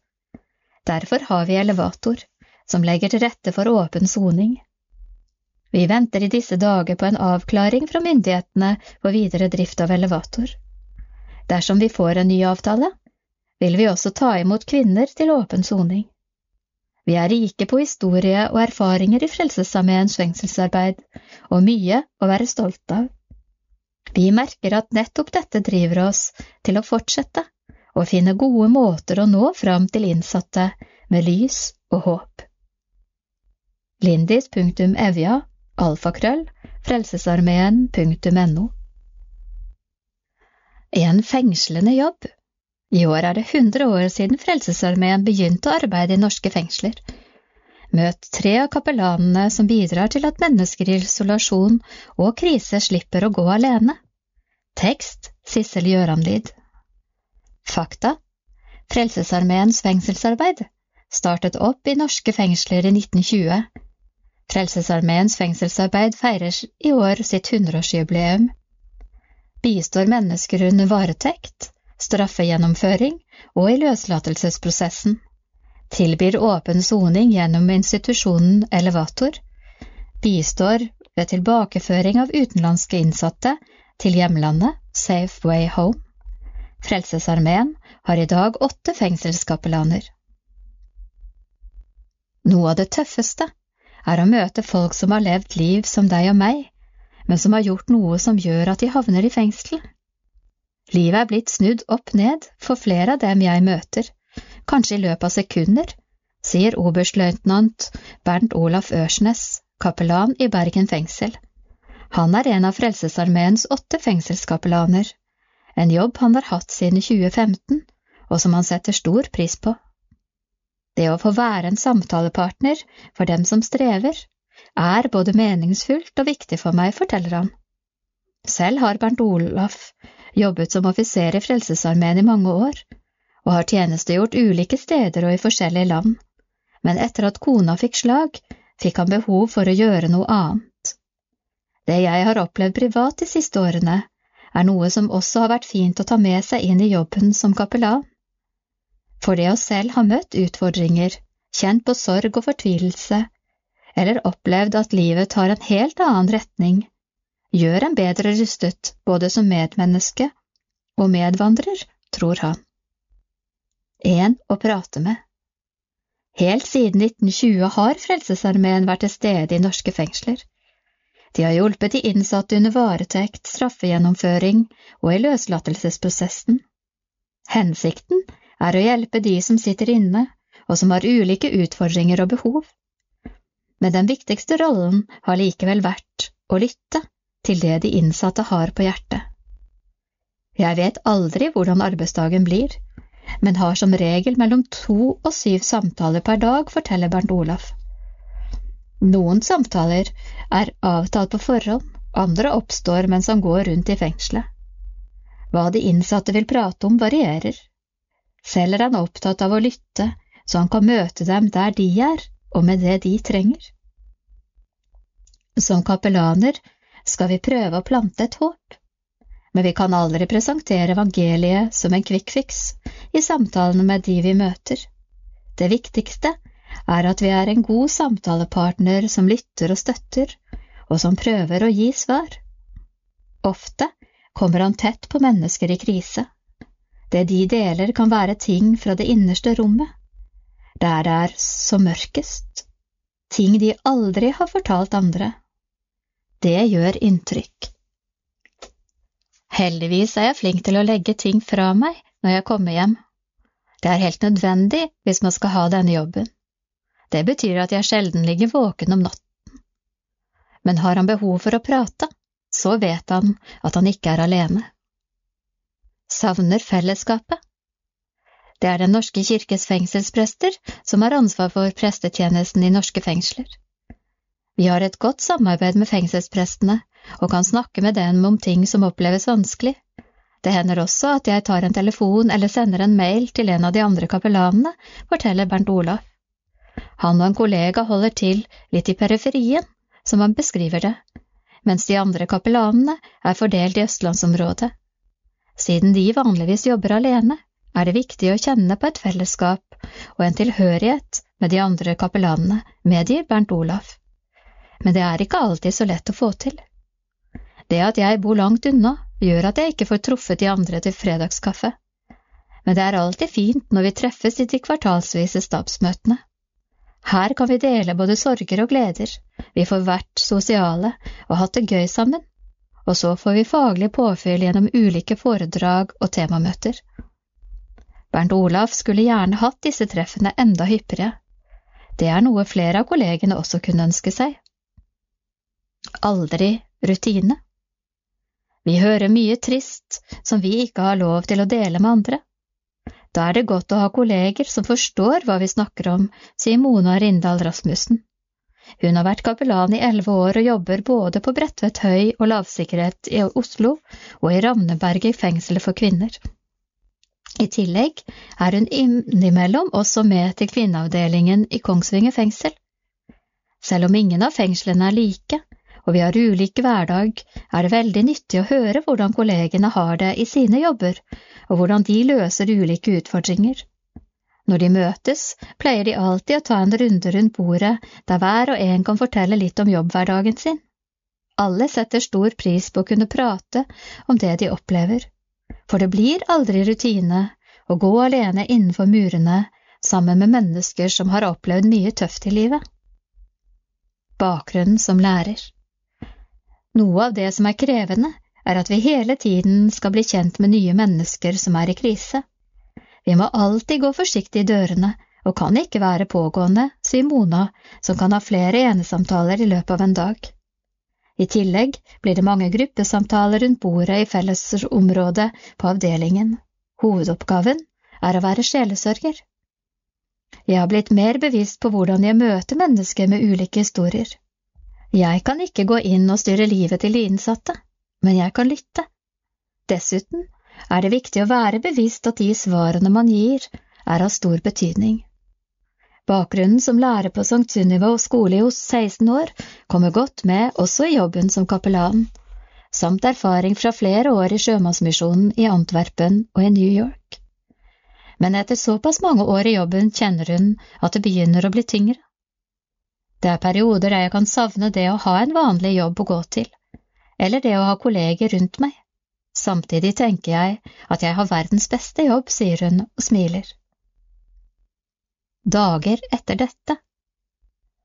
Vi har ulik bakgrunn, noen av oss er offiserer, noen er lærere, en har teologisk presteutdanning, men alle har vi livets erfaring, sier major Gro Merete Egeland, kapellan på Ila fengsel og forvaringsanstalt og i Stavanger fengsel. Det er utfordrende å sitte i fengsel. Mange jobber mye med seg selv, tar tak i livet for å snu det i en annen retning. Gro Merete opplever det som verdifullt og meningsfullt å være med og støtte, å være en som bærer med seg troen på og håpet om at det kommer dager etter dette. Også hun trekker fram det gode samarbeidet med fengselsprestene. Vi jobber i stor grad på samme måte. Vi tilbyr gudstjenester og samtaler om små og store spørsmål og tanker, erfaringer og opplevelser. Jobben handler om å være til stede for andre. Men kanskje har kapellanen i Frelsesarmeen litt flere praktiske muligheter underveis og etterpå, via Fretex, overgangsboligen, elevator, samt stedet og andre aktiviteter og muligheter etter løslatelsen, sier hun. En ny retning. Det er bare vel halvannet år siden Gro Merete startet i tjenesten som kapellan. Bak seg har hun mange år som offiser i Frelsesarmeen. Hun har tjenestegjort som menighetsleder med barne- og ungdomsarbeid på offiserskolen og som divisjonssjef. For fire år siden opplevde hun flere dramatiske hendelser i privatlivet. Jeg var i krise. Livet gikk videre, men samtidig stoppet det litt opp. Jeg kjente behov for å finne meg selv, få beina under meg til å stå støtt igjen. Hun betegner seg som heldig som hadde familie, noen gode venner og ledere i Frelsesarmeen som brydde seg. Hun fikk hjelp til å gå videre i sakte tempo. I flere år hadde Gro Merete kjent en dragning mot kapellantjenesten. Nå så hun at stillingen som fengselskapellan for Frelsesarmeen på Ila var ledig.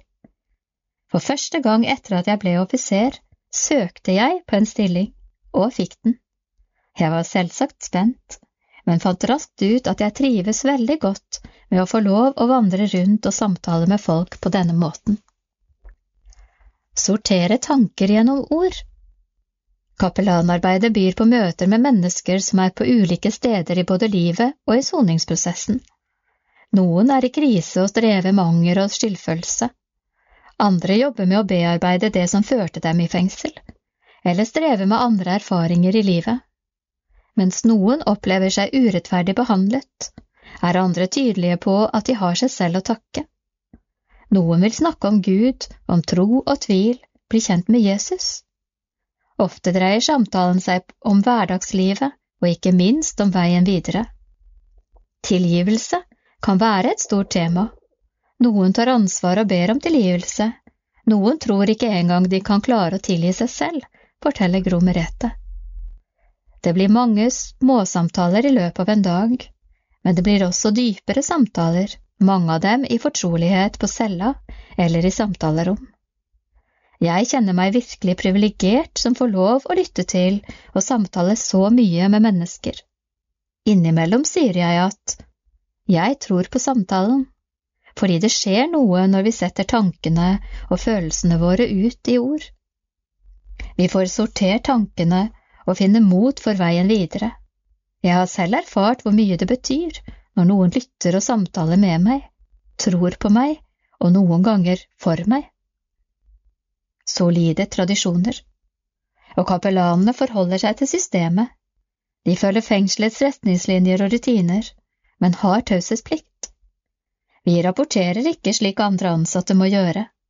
Samtalene med prester og kapellaner oppleves derfor av mange som et fritt og trygt rom der de kan være seg selv, sier Gro Merete. Innimellom får hun spørsmål om hun er redd, også fra innsatte. Så langt har jeg verken kjent på frykt eller vært i nærheten av å tenke på å utløse alarmen. Da Gro Merete tok fatt som fengselskapellan, var noe av det første hun tenkte at hun sto på skuldrene til de som har vært der før henne. Hun opplevde å bli møtt med respekt og tillit fra første stund. Arbeidet som Frelsesarmeen har lagt ned i fengslene i hundre år, er merkbart. Vi har møtt mennesker med tro, kjærlighet, fremtid og håp, og det vil vi fortsette med. Jeg er ydmyk og takknemlig for å få lov til å være med som medvandrer og håpsbærer. I forbindelse med hundreårsjubileet til Frelsesarmeens fengselsarbeid utgir Frelsesarmeens historiske selskap boka om historien og arbeidet. Den kan fra midten av juni bestilles fra shop.frelsesarmeen.no. Pris kroner 200. Matt Rishton ville ikke ha noe med Jesus å gjøre. Han kunne ikke tro på en god gud, inntil han hørte en stille stemme. Forandringen. Tekst Marit Eli. 19 år gammel fulgte Matt Rishton med foreldrene fra Nord-England og over til Norge. De siste to årene hadde han vært orgelbygger og satt sammen et svært kirkeorgel på 70 000 piper. Men hvor skulle han jobbe nå? Etter to dager takket han ja til å være frivillig i AKTA, barne- og ungdomsarbeidet til Nordmisjon i Stavanger. Jeg, som ikke hadde snakket norsk på mange år, og heller aldri hadde vært på leir, skulle ha ansvar for ungdommer som dro på tur. Det så jeg ikke fram til, men de neste tolv månedene var jeg på 23 leirer. Ni år senere rister 28-åringen Lene på den lange hårmanken. Han husker godt hvor kjedelig han tenkte det skulle bli å følge den første ungdomsgjengen på tur til Horve ved Sandnes. Men han hadde ingen anelse om at denne første samlingen skulle snu om alt i livet. Mens tenåringene på leiren sang lovsanger, satt Matt uinteressert ved PC-en og sørget for at riktig tekst kom opp på lerretet. Plutselig kjente han at han ble tatt med tilbake. Til oppveksten. Jeg husket mye av det jeg hadde tenkt på gjennom årene, og alt det dumme jeg hadde gjort. Som 17-åring flyttet jeg hjemmefra og ble en skikkelig rebell. Jeg meldte meg helt ut og reiste også vekk fra barnetroen. Da jeg satt der ved PC-en, tenkte jeg på hvordan livet mitt hadde blitt, og det var ikke positivt. Et øyeblikk etter var det som om noen snakket til ham. Du skal få svar på de spørsmålene du sitter med. Matt forsto at han var i berøring med noe større. Gud, som han ikke trodde på, snakket til ham. Det hørtes ut som Gud ville ha meg tilbake. Når en stemme snakker slik til deg, tviler du ikke, den kvelden ga han livet sitt til Jesus, men han satt fortsatt med mange ubesvarte spørsmål. Hvorfor hadde familien hans gått gjennom så mye smerter? De første ni årene av livet hans bodde de i Norge, men det som skulle være et spennende opphold ved fjellene i Åndalsnes, ble snart et mareritt for både foreldre og barn. For det første var det noe alvorlig galt med Matt. Jeg er født med autisme, og de første fem årene sov jeg knapt og satt og så i veggen. Slik var det inntil broren min døde i krybbedød. Det var en tøff tid, tapet påvirket alle i familien, men det var da jeg våknet og merket at ting var annerledes. De neste fem årene utviklet jeg meg stadig, og da jeg var ti år, klarte jeg endelig å lese, noe jeg ble veldig glad i. Samtidig begynte spørsmålene å utvikle seg. Var min brors dødsfall kostnaden som måtte til for at jeg skulle bli bedre? Jeg klarte ikke å tro på en god Gud som kunne stå for det.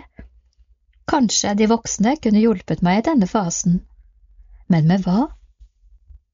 De vonde tankene kvernet i ham, og de slapp heller ikke tak da familien dro tilbake til England. Sju år senere hadde Matt forsøkt å skaffe seg en fremtid som orgelbygger, men så fikk firmaet han jobbet i økonomiske problemer. Arbeidsmarkedet var trangt, Matt forsto at han måtte flytte på seg nok en gang. Litt motvillig dro han etter foreldrene til Norge og Stavanger. Kan du starte i morgen? Etter møtet med Gud var det ikke så mye tvil i meg. Jeg bestemte meg for å bruke livet mitt til å fortelle andre om Jesus.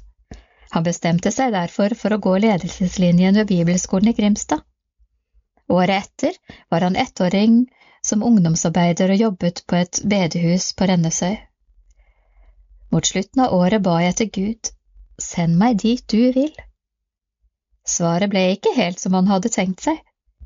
Matt ble sendt til Bodø, der han skulle være regionleder i akta. Det ble en blandet erfaring.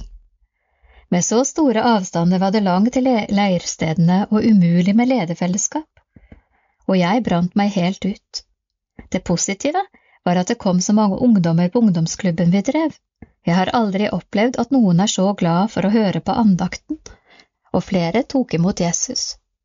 De neste to årene var energien på bunnivå, men så kom tilbudet om en mindre stilling i KIA, kristent interkulturelt arbeid. Jeg begynte å jobbe med språkkafé i Stavanger. Tenk, jeg som utlending skulle ha ansvaret for norskopplæring, ler han. Men der ble jeg kjent mange, og jeg ble vant til folk fra ulike kulturer. Året etter startet Matt på voksenopplæring eller rektoautomatisering. Som definitivt eldst i klassen var det ikke bare lett, men faget fristet. En dag fikk jeg en mail i innboksen fra en afrikansk dame som mente jeg burde søke jobb i Frelsesarmeen i Sandnes, som prosjektmedarbeider. Stillingen innebar å ha teknisk ansvar, drive familiearbeid og velferdsarbeid. Matt ble nysgjerrig, sendte av gårde en søknad og ble kalt inn til intervju. Så hørte jeg ingenting på flere måneder før jeg ble bedt om å komme til et nytt intervju. Etterpå var det stille lenge, men så fikk jeg plutselig en telefon og spørsmålet Har du mulighet til å starte velferdskafé i morgen? Et sted for påfyll. Matt tok like godt turen til Frelsesarmeen, ble møtt med smil og vist rundt. Snart jobbet han 30 timer i uka i tillegg til skolen. De gjorde noen spredte forsøk på å starte familiearbeid uten å lykkes. Senere fant de ut at konseptet Sammen ville fungere bedre, med middag for hele familien, en felles andagsstund og egen tid for de voksne og barna. Igjen var det startproblemer. Vi gikk rundt i nabolaget med brosjyrer, men det kom ingen. De som dukket opp, var fra velferdskafeen, og de første gangene var det fem–seks barn med. Så begynte arbeidet å vokse. Folk trivdes, fortalte om tilbudet til andre og inviterte med seg flere. Etter et halvt år strømmet 25 barn inn i lokalene, mange med eritreisk bakgrunn. Annenhver torsdag sto briten ved grytene og serverte middag før han kastet seg ut i leken med barna. Nå gleder han seg over at flere av sammenfamiliene også kommer til gudstjenestene for det er her han vil være. Matt har funnet sitt åndelige hjem i Frelsesarmeen og blitt tilhørig medlem. Frelsesarmeen er menigheten min, stedet der jeg får påfyll og føler jeg kan gjøre en tjeneste. Her er jeg på rett plass. Han har fått gode venner og kommet tett på noen familier. De siste to årene har han feiret jul med en alenemor og ungene hennes. Det er viktig for meg å vite at barna har et miljø der de kan komme og være seg selv. Det samme gjelder når de blir eldre. Nå føler jeg at Gud hinter sterkt om at vi skal starte noe for tenåringene. Underveis har han hele tiden en dialog med Gud. Å snakke med ham om alt han tenker og føler, gir en trygghet. Har du fått svar på spørsmålene du hadde i oppveksten? En del, men ikke alle. På bibelskolen forsto jeg at min brors død og det som skjedde med meg, er to forskjellige ting. Det viktigste er at jeg kan være med på å gjøre noe godt ut av det som er vondt. Jeg føler at jeg har klart å hjelpe en del mennesker. Jeg har vært til stede der jeg har trengtes. Hvis jeg kan komme noe godt ut av det som var så vondt, vil jeg prøve å gjøre så mye som mulig. Jeg har også et helt liv foran meg og er en helt annen person i dag enn da jeg kom til Norge. Han er realist og forholder seg til det som er. Jeg er ikke kvitt autismen, jeg har diagnosen Asperger, og jeg har brukt mye tid på å lære å kommunisere med andre. Derfor har jeg lest psykologi for å vite hva som skjer inni folk. Jeg trenger hvilepauser og bruker mye tid på å hente meg inn når jeg har vært sosial. Hvordan takler du da å være med 25 barn i to timer? Jeg har funnet ut hvor mye jeg tåler. Noen dager må jeg ha hjemme for å være alene og gå turer. Jobben som automatiker gir ham pusterom. Han får påfyll av å sitte alene og fikse isolasjonsverktøy til orgelpiper. Og så er det fint å bruke tid med kjæresten. På den første leiren fikk han mer enn et gudsmøte. Der møtte han også ei jente som var god å snakke med. Vennskapet utviklet seg til noe mer, og etter sju år ble de kjærester. I juni gifter de seg i Tysvær kirke. Hva tenker du om livet nå? Matt smiler. Jeg har et fullt spor som jeg vil fortsette å følge. Jeg ønsker å gjøre noe godt med livet mitt. Denne artikkelen ble laget før koronarestriksjonene trådte i kraft. Frakoblet samfunnet, tilkoblet fellesskapet. I en tid hvor ord som sosial distansering og hjemmekarantene regjerer, finnes det et fellesskap som blomstrer som aldri før, det digitale. Også der er Frelsesarmeen. Tekst Kenneth Juel Stavik. Samuel ble vekket av en stemme som sa ai ops, hva skjedde der egentlig?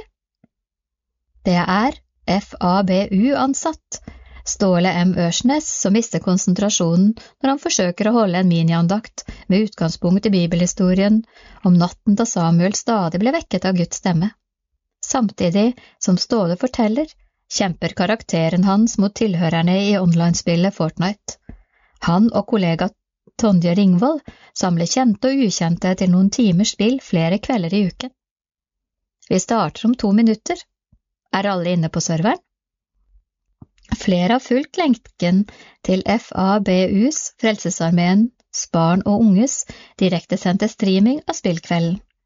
For å gjennomføre dette benyttes Twitch, Amazons videostrømmingstjeneste. Her kan alle, både gamere og tilskuere, logge seg på som på en hvilken som helst TV-kanal. På skjermen vises kveldens kamp, mens FABU-lederne kommenterer det hele. Samtidig kommuniserer gamerne både via tekst og mikrofon gjennom programvaren Discord, hvor over 140 brukere har meldt seg inn på FABUs kanal. Når sant skal sies, er det ikke bare spillets gang som kommenteres, viktige og uviktige tema tas opp. Alt fra hva kan man gjøre mens man må være hjemme, til hvilken sjokolade er best. Hyggelig tone under digital krigføring. Selv om dette først og fremst er stedet for lek og moro, er det et uomtvistelig faktum at de fleste spill som kan samle massene, ikke er særlig fredelige av natur. Likevel råder en vennskapelig tone mellom deltakerne. Dette er til og med nedfelt i deres egen Discord-reglement. Regler Vær greie med hverandre, hat og drittsnakk er ikke greit. Pass på språket, la være å banne og å være sinte på hverandre. Hold deg unna upassende kallenavn. Ha det gøy. Om det skulle skje at du får en melding, privat, fra noen du ikke kjenner eller vet hvem er, så skal du la være å svare og gi beskjed til admin om hvem som sendte og hva de skrev. På denne måten kan vi unngå regelbrudd i gruppa, utenom serveren også. Serveren er åpen for å brukes når som helst og av alle, så pass derfor på å følge reglene slik at ingen føler de ikke vil være med på bakgrunn av noen som er spydige og slemme. Vi vil at alle skal trives, deg inkludert. Digitalt frelsesarmé-lokale Tidligere har FABU blant annet arrangert The Promised Land, et sted hvor spillelysene samles for å spille sammen en helg. Etter at andre tilbud stengte ned som følge av tiltakene mot koronaviruset, har behovet for slike møteplasser vokst. Og det er ikke bare barn og unge som møter opp. Foreldregenerasjonen har også logget seg på. Det er flere foreldre som deltar på kveldene sammen med barna. Jeg tror de også synes det er veldig fint og godt å ha et slikt fellesskap å være med i. Vi har fått god tilbakemelding på tiltaket også fra dem, forteller Ståle. Ethvert FABU-arrangement setter av tid til en liten andakt. Det lar seg også gjennomføre på gamingkvelder, selv om det ikke foregår på den vanlige måten, ifølge Tonje. På Twitchen prater vi konstant i tre timer, så det kommer mange miniandakter innimellom, vil jeg si. Vi har også fått pratet om hvordan man kan opprettholde kristenlivet når man ikke kan gå på vanlige gudstjenester og samlinger. Noen har likevel gått et ekstra steg for å gjøre den digitale verden så lik den virkelige som mulig. I spillet Minecraft har gamerne laget et digitalt frelsesarmélokale. En dag kom følgende beskjed opp i chatten. Lørdag 28.3.20 skal vi ha et digitalt meetup på Minecraft-serveren klokka 17. Håper flest mulig kan komme. Etter at de var ferdige med konkurransene, dro alle til FA-plassen. Det tok litt lang tid før de var stille, men det funket til slutt. Sånn sett lignet det typisk ungdomssamling, beskriver Tonje. Benjamin Waters, soldat i Tempelet korps i Oslo og en av de ansvarlige for Minecraft-serveren, holdt en kort andakt for de fremmøtte. Han snakket om fellesskap, både om hvordan vi kan ha fellesskap i denne tiden, og om at vi kan bruke denne tiden til fellesskapet med Jesus. De bak skjermene De siste årene har det kommet tydeligere frem i mediene hvor viktige disse fellesskapene er for mange som føler seg utenfor. I den digitale verden fjernes mange av popularitetskriteriene som settes i en skolegård, blant annet. Alder, kjønn, klesstil og økonomisk status blir satt til side idet man trer inn i formen til sin digitale karakter. I den verdenen stiller alle likt, men de samme mulighetene til å lykkes. Jeg synes tilbudet er kjempebra. Spesielt i disse tider er det gøy at Frelsesarmeen arrangerer noe relatert til gaming. Jeg og broren min fikk vite om dette via mamma, som så informasjonen om det på Facebook, forteller den 15 år gamle gameren ano.n.ym. En annen som er fornøyd med tilbudet, er Shabby, en 27 år gammel mann bosatt i Oslo. Han er ikke selv medlem av Frelsesarmeen, men ble invitert med av en bekjent. Jeg har følt meg utrolig velkommen, og jeg har møtt mange morsomme, kjærlige og flinke folk på disse eventene. Å sitte en hel fredagskveld og prate, le og skrike på motstanderen sammen er virkelig sosialt. Jeg føler meg godt tatt imot og tatt vare på, er hans tilbakemelding. En smak av fremtiden Niklas Filstad er soldat i Sarpsborg korps, menighet, og en av dem som bidrar til at ting fungerer som det skal. Han understreker viktigheten av digitale fellesskap når samfunnet bedriver sosial distansering, men også i fremtiden. Det å ha et gamingtilbud er en fantastisk måte å nå flere på, og å samle den yngre generasjonen. I 2020 og tiden framover er det essensielt å ha åpne plasser hvor alle kan være med til enhver tid. Gaming er noe hele verden driver med, og det er en fortsatt raskt voksende sport, jobb, hobby og livsstil. For min del har det mye å si at jeg har muligheten til å samles med folk jeg kjenner gjennom dette initiativet. Jeg er en gamer, og mye av fritiden min går til å sitte foran en skjerm og chatte og spille både med venner og ukjente, forteller han. Det er for tiden tre ulike faste tilbud i løpet av uka. Fortnite-turneringen på onsdager er åpen for alle. Det samme er tilgangen til Frelsesarmeens Minecraft-verden. Denne er tilgjengelig hele uken. Fredagskvelder er holdt av til spillet Counter-Strike Go, Et spill hvor de fremmøtte deles inn i to lag. Terrorister mot antiterrorister. Her er aldersgrensen satt til 16 år. De som ikke er gamle nok, får andre tilbud samme kveld. De som umiddelbart tenker at dette først og fremst er tilbud rettet mot unge gutter og menn, må tenke om igjen. Et annet sted i Viken sitter en 28 år gammel kvinne, Bna Angry Cookie. Hun pleier å delta på fredagsarrangementene. Det er godt å ha noe å se fram til mot slutten av uka, spesielt i disse tider med mye innesitting. Gjennom spilling blir det automatisk sosialt, og det gir gode muligheter til å holde kontakten. Selv om tilbudet reduseres betraktelig når hverdagen er tilbake til det normale, er det ingen planer om å legge hele initiativet på hylla.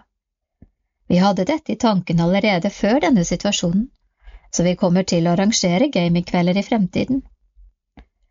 Men det vil nok begrense seg til én eller to samlinger i måneden, informerer Ståle. Tonje følger opp. Vi ønsker å fortsette på en eller annen måte. Det må vi jo. Vil du være med? For å finne mer informasjon om tilgang til FABUS digitale fellesskap, sjekk FABUS Facebook-side, eller send en e-post til fabu alfakrøll frelsesarmeen.no. Historisk Da Krigsropet-redaktøren ble fengslet. I Krigsropet er vi stolte av å ha utgitt bladet vårt ukentlig helt siden 1888 og frem til i dag, uten avbrudd. Unntaket er seks måneder under andre verdenskrig. Tekst Kenneth Juel Stavik. Bernhard Fjærestrand, 1879 til 1951. Redaktør i Krigsropet, 1937 til 1944. Offiser i Frelsesarmeen, har flere sangtekster i Frelsesarmeens sangbok 21 i 1977-utgaven og 7 i 2010-utgaven. Sangen Hans navn skal være Jesus står også i Norsk salmebok. 2. august 1940 fattet administrasjonsrådet et vedtak om at kong Haakons 68-årsdag ikke skulle markeres på noe vis. Rådet ble dannet av en knapp uke etter tyskernes okkupasjon av Norge, og virket som det sivile styringsorganet fram til september, da rikskommissær Josef Terboven erstattet det med sine statsråder. Vedtaket ble publisert i landets aviser dagen etter, på kongens fødselsdag. For at demonstrasjoner skal unngås, har administrasjonsrådet bestemt at all flagging er forbudt lørdag 3. august. Administrasjonsrådet gjør dessuten oppmerksom på at det lørdag 3. august ikke skal finne sted opptog eller demonstrasjoner av andre slag. De aller fleste overholdt orden, med ett unntak – krigsropet. Om det var et bevisst forsøk på motstandsarbeid, eller om vedtaket kom for sent for krigsropets redaktør, er uvisst. Bernhard Fjærestrand lot uansett følgende notis stå på trykk i krigsropet 31 1940 beskjedent plassert øverst til høyre på side tre. Kong Haakon den sjuende fyller 68 år den 3. august, etterfulgt av et vers fra Blix kongesalme. De umiddelbare reaksjonene fra okkupasjonsmakten uteble, men responsen skulle likevel komme, i full kraft. I Frelsesarmeens 75-årsjubileumsbok skriver Per Raubakken. Hilsen var typografisk beskjedent utstyrt og skilte seg ikke ut fra de alminnelige notisene i bladet, men det skulle vise seg at den ble sett på som farlig nok i tyskernes og nazistenes øyne. Og da stemmen fra London gjennom eteren forkynte at krigsropet var det eneste bladet i hele Norge som hadde hilsen til kongen på fødselsdagen hans, og at det nummeret av bladet gikk som varmt hvetebrød, var det gjort. Kommandøren sto som utgiver av bladet, men det ble sjefsredaktøren, brigader Bernt B. Fjærestrand, som fikk oppholdet på Møllergata 19. Frelsesoffiser og tidligere redaktør i Krigsropet, Fridtjof Mollerin, beskriver hendelsen på følgende måte i sin bok Et liv under flagget. Gestapo entret Frelsesarmeens hovedkvarter i Pilestredet 22, fant vei til redaksjonsavdelingen og beslagla visse papirer. Fjærestrand havnet på Grini, og krigsropet ble nektet utgitt i et halvt år. Selv om redaktøren ble sluppet fri Etter bare fire uker ble arrestasjonen lagt merke til i motstandskampen. En navnløs illegal avis som senere skulle få navnet Bulletengen, videreformidlet budskapet til sine lesere samme høst. Imidlertid ble noe av stoffet som vanligvis ville stått i krigsropet, tatt inn i Frelsesarmeens barneblad. Den unge soldat. Slik omgikk de på en oppfinnsom måte okkupasjonsmaktens forbud mot å utgi krigsropet, og nådde fortsatt ut til leserne. Dette er gratulasjonen som fikk Bernhard Fjærestrand fengslet under krigen. Dikt av Elias Blix. Kong Haakon 7. fyller 68 år den 3. august. Gud signe kongen vår, gjev hånom mange år, med fregd og fred. Legg i hans gjerning inn anden og styrken din. Gjev honom Davids sinn til alt ditt verk. Bildeillustrasjon Pinseaften 1934 besøkte kong Haakon den 7. Frelsesarmeens nye krigsskole, offiserskole, i Enebakkveien i Oslo. Dette bildet ble trykket med følgende tekst. Hans Majestet kong Haakon i Krigsskolens hage, sammen med kommandør Carl Larsson. Helt fra 1905 har Frelsesarmeen kunnet glede seg over stor interesse og støtte fra kongehuset. Søndag Ukens andakt Ukens baltist Marit Myklebust Femte søndag i påsketiden Denne teksten leses i kirker over hele landet denne søndagen. Jeg er det sanne vintre, og min far er vinbonden. Hver grein på meg som ikke bærer frukt, tar han bort, og hver grein som bærer frukt, renser han så den skal bære mer. Dere er alt rene på grunn av det ordet jeg har talt til dere. Bli i meg, så blir jeg i dere, slik som greinen ikke kan bære frukt av seg selv, men bare hvis den blir på vintreet, slik kan heller ikke dere bære frukt, hvis dere ikke blir i meg. Jeg er vintreet, dere er greinene. Den som blir i meg og jeg i ham, bærer mye frukt. For uten meg kan dere ingenting gjøre. Den som ikke blir i meg, blir kastet utenfor som en grein og visner. Og greinene blir samlet sammen og kastet på ilden, og de brenner. Hvis dere blir i meg og mine ord blir i dere, be da om hva dere vil, og dere skal få det. For ved dette blir min far æret, at dere bærer mye frukt og blir mine disipler.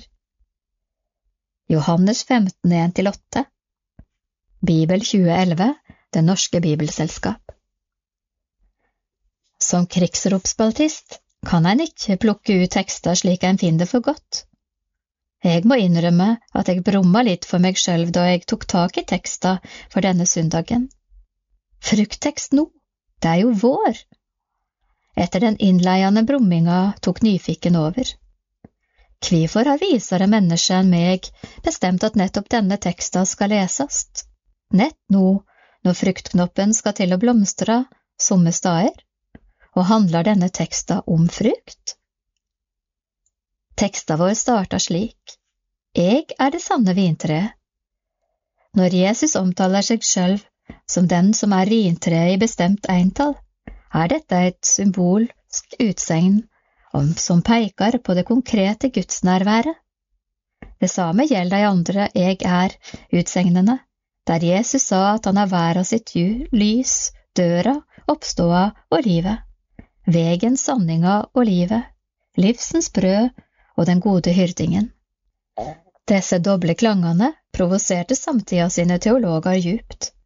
De tykte Jesus var farlig nær å sette seg selv på line med Gud. Jeg er var Guds selvrepresentasjon til Moses. Et navn ble ikke bare sett på som en identitetsmarkør i de tider. Det bar mer av realitetene i seg enn vi er vant til å tenke i dag. Teologene tolka Jesus rett. Når Jesus sier Jeg er, sier han ikke bare noe om hvordan han er, han forteller oss hvem han er. Slik jeg, Jesus, sier, og viser at jeg er. Slik er Gud. Jeg er Gud. Vintreet og vingardsmannen er nytta som symbol på Gud og gudsfolket flere steder i Bibelen, også av Jesus. I lys av Jesu lære og liv ser vi at alle ting blir nye. I stedet for å ha en vingard som skuffa igjen og igjen, ble Gud sjøl vintreet, det sanne vintreet. Gud er fremdeles også en vingardsmann, og han vil ikke forkaste noe menneske.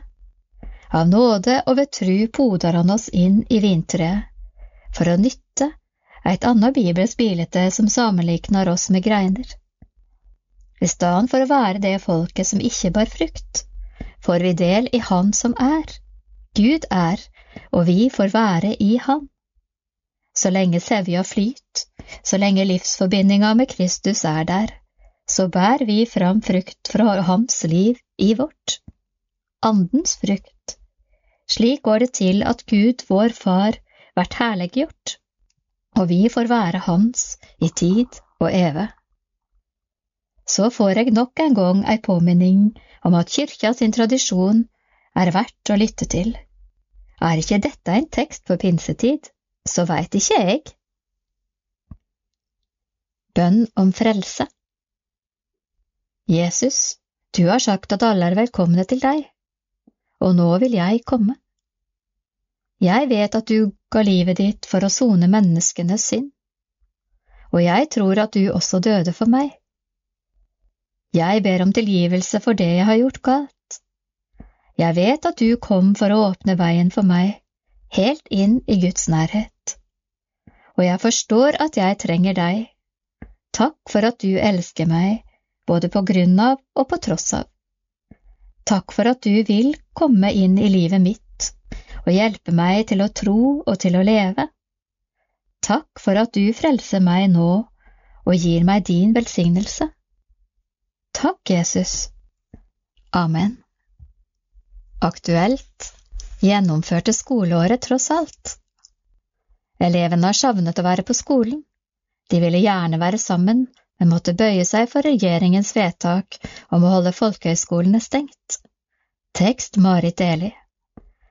Det sier inspektør Morten Bjartveit ved Frelsesarmeens folkehøyskole på Jeløy utenfor Moss. Før folk i Norge ble direkte berørt av koronatiltakene, måtte skolens ledelse kaste seg rundt for å finne løsninger. 70 elever med lærere var nemlig på reise over hele verden. Da USAs president Donald Trump varslet stengte grenser 13. mars, gjaldt det å finne flybilletter og raske reiseruter for å få alle trygt hjem fra USA, Kenya, Malta og Australia.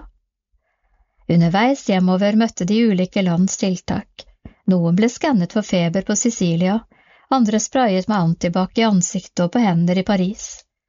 Men 16. mars var den siste gruppen også kommet hjem, og så bar det rett til karantenene i hjemmekommunene.